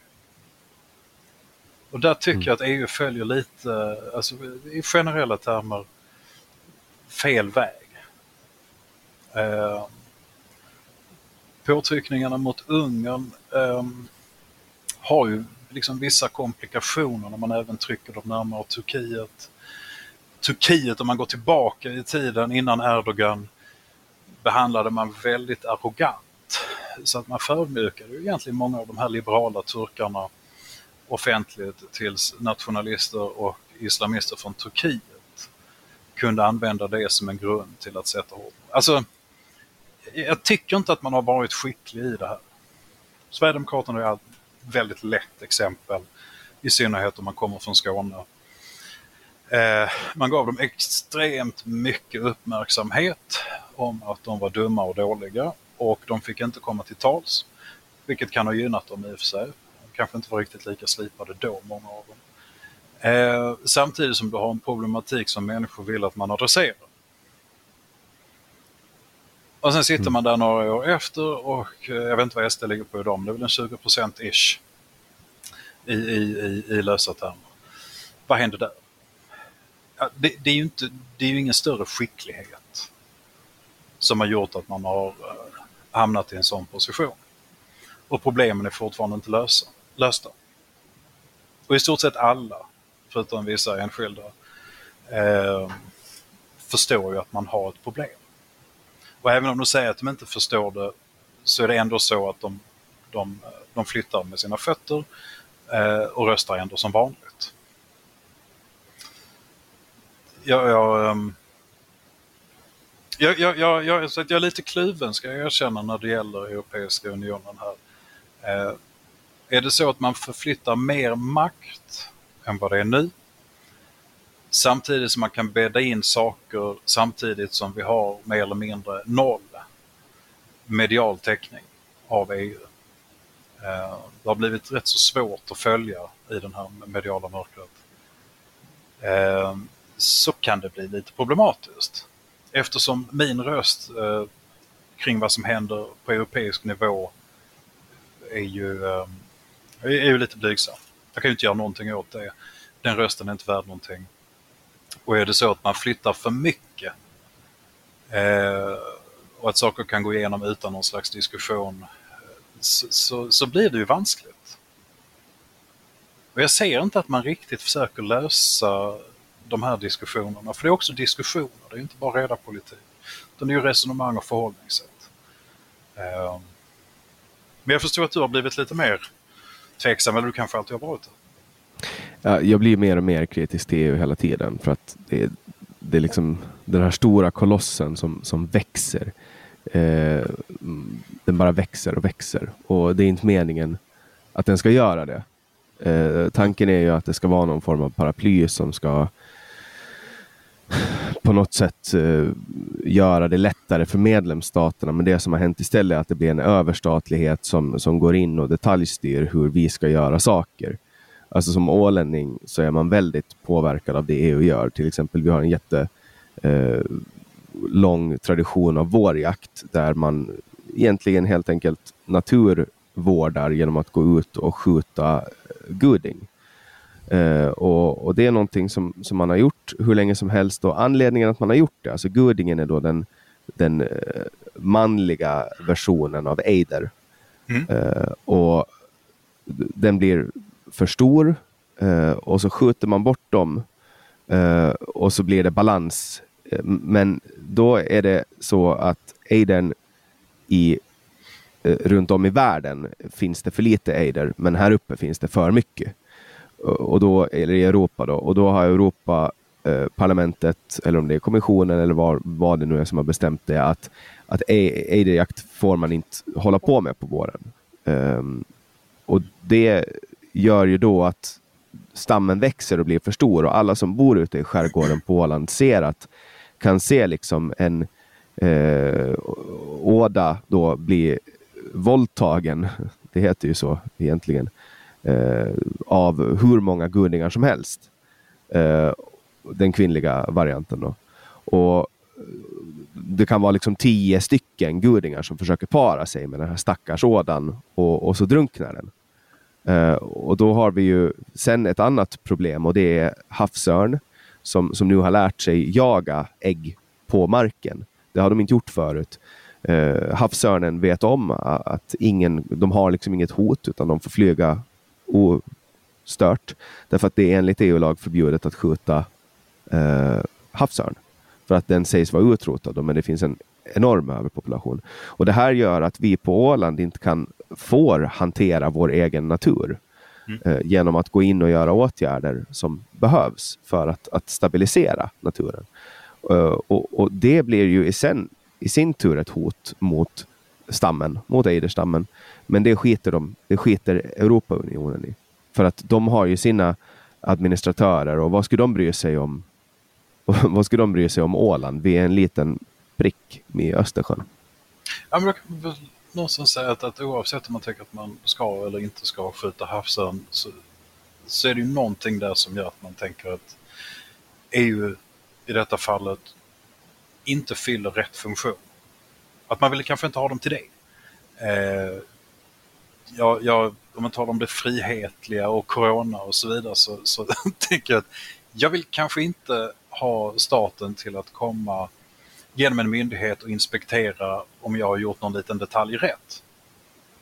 Eh, om de inte kan skicka en polis när jag har ett inbrott. När man får den obalansen så, eh, så vet man ju vad som händer. Då blir människor missnöjda och man tappar legitimitet. Mm. Eh, och det, det, är väl det som någonstans är kanske den vanligaste kritiken mot, mot det nuvarande europeiska. Att, att, att man är på fel plan. Kanske hade det varit bättre om man skulle tänka att nu, nu får vi ta och konsolidera det här lite. Vad är det folk egentligen vill att vi sysslar med? Och det är vissa säkerhetsfrågor. Och, det, och vad är det folk inte är intresserade av? Så släpper vi det. Bort med det. Eh, mm. Men när man inte klarar av kärnåtaganden och nu märker jag att jag går in mot svensk politik här igen. När man inte klarar av kärnområdena. Och det gör vi ju inte i Sverige. Det finns ju inget som är rimligt. Man, gör försök och det funkar ibland, men man klarar egentligen inte av det. Uppenbarligen så eh, har corona avslöjat att, att uh, sjukvården i Sverige inte mår speciellt bra. Väldigt svårt att säga något annat. Uh, uppenbarligen är det så att polisen inte klarar uppdraget. Upp, uppenbarligen är det så att man har problem på på många av de här tunga kärnområdena. Men det är ändå så att vi ska betala mer än hälften av vad vi tjänar i skatt och moms, avgifter. Mm. Där ska man ju rimligtvis ha någonting som säger att det här blir inte bra. Det finns ju ingen normal regering som behöver mer än hälften av det vi tjänar och ändå inte lyckas utan behöver mer för att ha basfunktionerna på plats. Men där reagerar ju väldigt många och tycker att jo, jo, men så kanske man inte ska säga. Men det är klart man ska säga så. Återigen, om, om, om du betalar ett överpris, du kommer till restaurangen, du erbjuds oxfilé, betalar 500 kronor så får du Biltemakorven igen. Någonstans så, så, får man ju sluta gå dit. Mm. Och, och, och säga att ni, ni, gör ju inte eh, vad som har utlovats. Ni har inte skött er då tar man någon annan. Det är inte så att man måste rösta på Morgan Johansson för att vara snäll eller vara lojal, utan blir jobbet väl gjort eh, så ger man ett nytt förtroende. Eh, är det inte bra så gör man inte det. Eh, någonstans så får man ju börja rösta på det man faktiskt vill ha. Där skiljer vi oss ju lite också åt i den här retoriken. Att eh, det är lättare att rösta på Moderaterna för de kommer in. Ja, men jag vill inte ha deras politik även om jag är till höger. För jag tycker mm. att man, eh, ganska många av de problemen som vi tampas med nu eh, fördjupades, förvärdes radikalt under Alliansen. Framförallt den senare delen av Reinfeldt. Eh, och, och, min princip är, är, ju lite att jag inte röstar på, på partier som har förstört delar av Sverige. Eh, det tycker jag liksom är en, en ganska grundläggande sak. Mm. Jag, jag, går inte till en restaurang där man blir magsjuk. Det, det är inte så att jag måste vara snäll och göra någonting sånt där. Utan man röstar ju på det man vill ha. Och så får man kanske det, om tillräckligt många gör det. Istället för att rösta på någonting som man tycker är minst sämst, och så tycker man ändå det blir ganska dåligt. Och på frågan ska du göra om det så svarar man absolut. Då får man ju ingen utveckling. Och vi har ingen riktig utveckling politiskt i Sverige heller. Det enda som väl har hänt eh, är ju att SD har trätt in och det har kommit nya partier som försöker fånga den. Går du till Danmark så har man ju liksom en rotation. De har många partier, eh, människor röstar i lite kanske högre utsträckning på någonting som man faktiskt vill ha. Och är det något som man är missnöjd med så röstar man bort dem. Och så får man ju en närmare koppling till vad väljarna och medborgarna faktiskt önskar. Istället för att man röstar fram någonting och så blev det inte så bra och så gör man om det. Och så får man den här uppgivenheten som du nämnde sist om, om migrationsfrågor. Jag tror inte det är så att människor är trötta på att diskutera det. Det är inte så att människor inte tycker att det är ett problem. Det spelar ingen roll om du bor i en förort vid sjön eller i ett väldigt välmående område. Ingen tycker ju att det här har blivit bra. Mm. För det är för mycket problem. Det är bara det att det spelar ingen roll vad du röstar på för du får ändå inte en lösning på det. Det spelar ingen roll Precis. om du röstar på Centern, eh, Miljöpartiet eh, eller, eller KD i sammanhanget tidigare. Det har inte lett till att man har löst någonting. Eh, men då får man ju ändå ta sig i hampan och göra någonting åt det på riktigt. Det är som en, eh, en från Medborgerlig Samling sa att, att, att det naturligtvis är så att alla vill att eh, man ska sluta och ha ett samhälle där, där barn skjuts. För det har vi ju nu. Det är bara det att vi inte är så många som faktiskt vill försöka göra någonting åt det. Och vi är inte speciellt många som faktiskt försöker göra någonting åt det. Utan jag tror väl det är så att det är ungefär en procent som är politiskt aktiv. Samtidigt som 60-65 procent menar att Sverige går på fel håll. Mm. Och om ungefär 60 procent tycker att vi går på fel håll och 1 procent är aktiva och gör någonting åt det så, så har du ju troligtvis svaret där. Det är därför det inte händer speciellt mycket. För att man lämnar över det här ansvaret och tycker att inte kan väl jag och inte ska väl lilla jag och ingen kommer väl lyssna på mig och, och, och, och blaha och, och, jag har ett jobb så jag hinner inte. Men det är ju inte så att man ska gå in i en, in, en heltidssysselsättning för att man är deltagare, för att man deltar i demokratin. Det behöver man inte. Man kan eh, gå med i ett parti, man kan delta i diskussionen, man kan göra sin röst hörd i en, uh, någon slags opinionsmedium istället för att sitta och titta på TV någon kväll. Alla hinner det. Hinner jag så hinner alla andra. Ja, eh, och nu utsikterna då. Eh, jag fick aldrig något riktigt svar i den början, frågan började. Nej, nej, jag gick direkt på knock med gnället där. Nej, alltså det, det, det är svårt att komma igenom. Eh, det har tagit en del av de här så kallade nya partierna, det är väl ungefär 15-20 år att komma in. Ehm, så, så, så, vi får väl se vad som händer. Det, det, det, är ju så att om man inte kan få någon medial exponering så vet människor inte om att man finns. Den biten har varit orimlig. Eh, och vi har fått en del kanske lite, lite, lite, lite märkliga omdömen som, som ingen av oss riktigt känner igen. Och, och, och ganska slentrianmässiga medan vi gärna vill ta vissa sakfrågor. Eh, Får man ingen medial exponering som gör att människor vet att man finns till, ja, men då är det svårt. Då tar det tid. Eh, får vi det så går det väldigt intressant att se vad som händer. Det, det måste jag erkänna. Mycket, mycket nyfiken på vad som händer om, om man får en, en exponering som skulle vara en tiondel av vad, vad Feministiskt initiativ fick. Eh, att ta med de här typen av resonemang som vi har in. Eh, och i övrigt kan jag väl säga att i min värld så spelar, jag ska inte säga att det inte spelar någon roll, men även om vi inte kommer in så tänker jag ju göra det här ändå. Om jag hade velat gå med i ett annat parti så hade jag gjort det. Mm. Det är viktigt att delta. Och det är viktigt att liksom vara en del av de här större samtalen. Ehm, jag tror också som en del av vad jag sysslar med att de flesta människor i Sverige har en, en rätt skev bild av jordbruk. Um, och det är inte så lätt att ha en, en korrekt bild om man är långt ifrån det. Utan då har du någon annans bild. Och de har ju inte vår. Eh, utan du har en, en, ganska fluffig idé om hur det här funkar och, och, och vad är läget och hur ser det ut. Och, eh, och det är för att vi har misslyckats, vi som är jordbrukare, i att, att förklara hur vår verklighet ser ut. Och därför skriver jag ganska mycket om det och försöker någonstans att eh, eh ge en bild av så här är nuläget, så här ser det ut, så här fungerar det. Ehm, det är ändå faktabiten. Där har vi inga olika åsikter. Ehm, vad man sen vill göra med och vad man har för ambitioner med det, det är en politisk fråga. Men vi är ju inte där.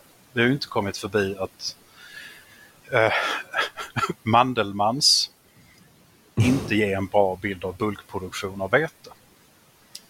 Och vi behöver producera mer. För vi kan göra det. Vi har världens renaste eh, jordbruk. Eh, precis som vi ligger väldigt väl till med skog. Ska vi gå ner i produktion för att göra någon slags peakkänsla för urbana eh, svenskar? Så är det ändå så att vi har rätt många hundra miljoner som fortfarande svälter eller är undernärda. Det, det, det finns liksom ett mått av cynism i detta om man inte förstår de här siffrorna och sambanden. Att, att resultatet kan, kan ju vara stensatt av goda intentioner. Men det slutar i regel ganska illa när man inte har koll på det. Mm. Så jag tycker att istället för att, att, att ha liksom en, en, en helt, helt meningslös nedgång av detta så skulle man ju satsa ordentligt på det och hellre dra sig till export. Alltså antingen Satsa på att producera mera och exportera? Ja, ja naturligtvis. Eh, det finns jättestora marknader som vill ha mat som håller en högre eh, kvalitet både när det gäller miljödelen eller antibiotika. Så att vi nämnde Kina innan, men det är mitt favoritexempel när det gäller det här. För jag tror Kina är det enda landet där man har medborgare som väljer att hellre äta mat som inte är producerad i sitt eget land.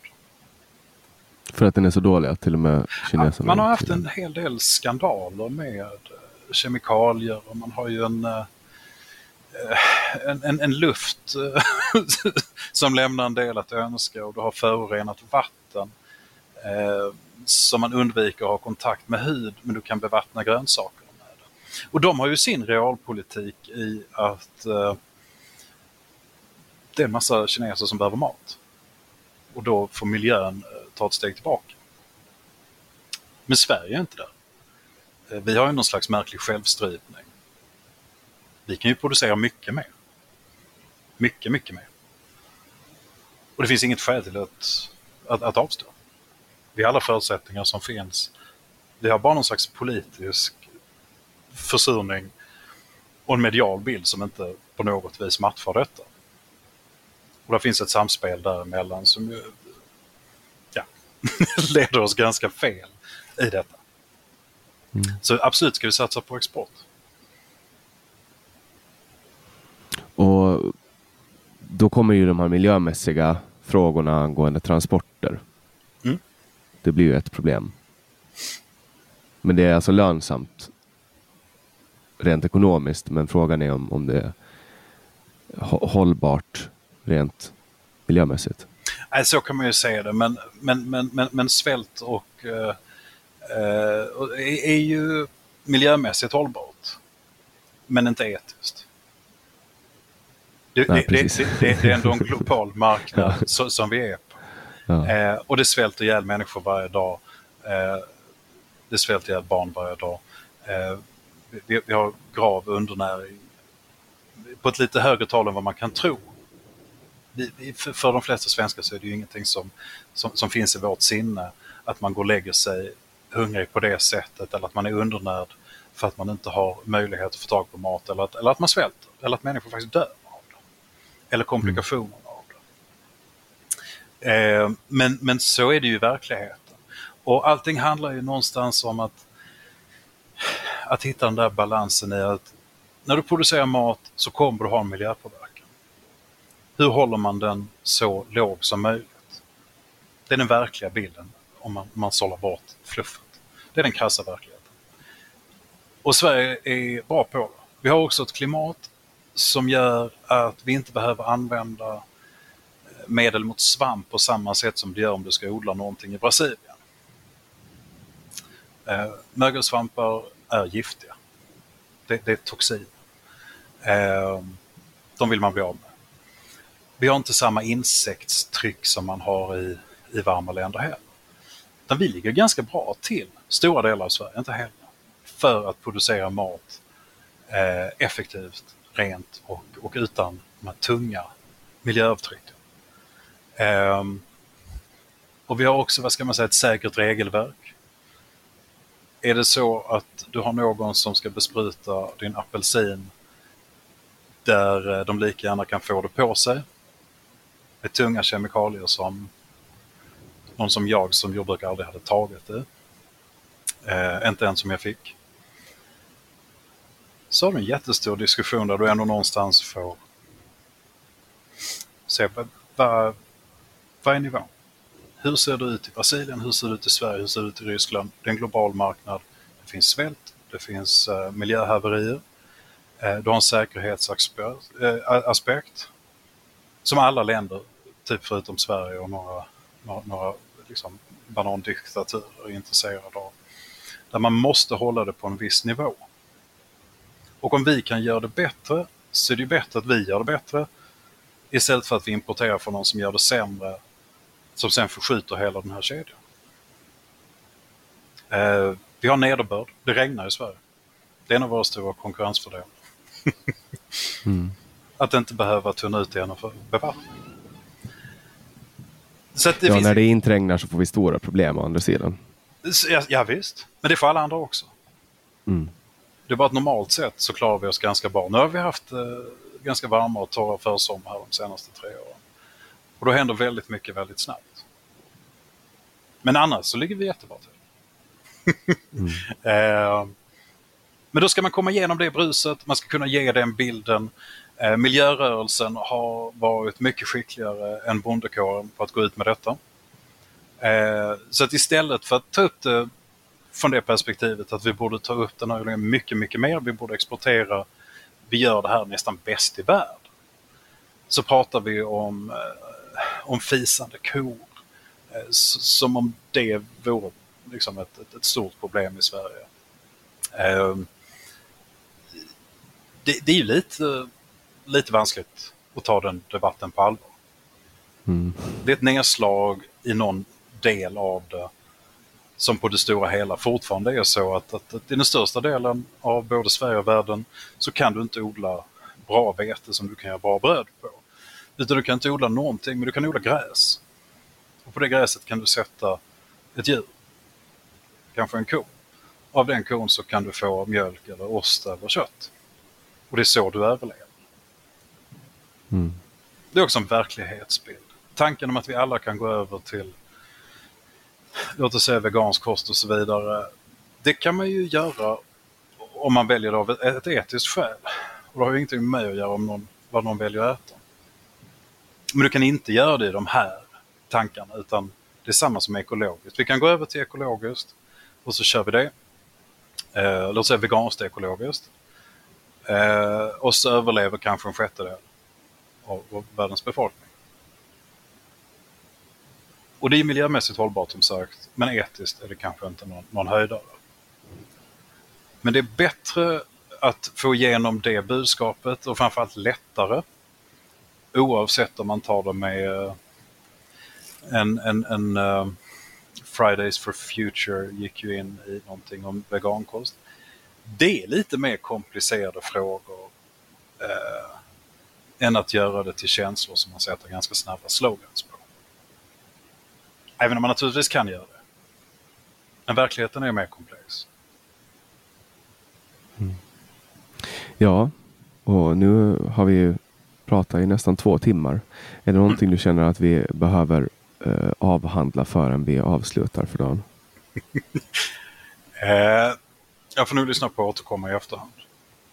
Mm.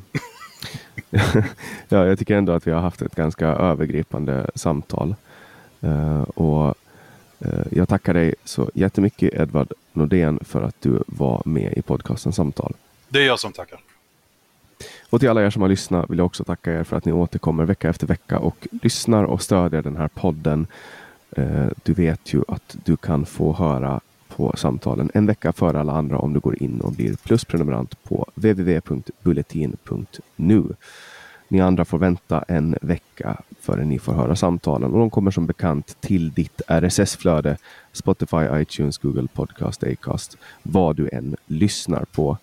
Om du vill önska en specifik gäst får du jättegärna gå in på min hemsida www.samtal.ax. Där finns en flik som heter tipsa och om du går in där och tipsar så kommer jag att bli meddelad om det och jag tar alla era önskemål i beaktande. Jag släpper nya samtal alla onsdagar året runt. Jag heter Jannik Svensson och du har lyssnat på podcasten Samtal.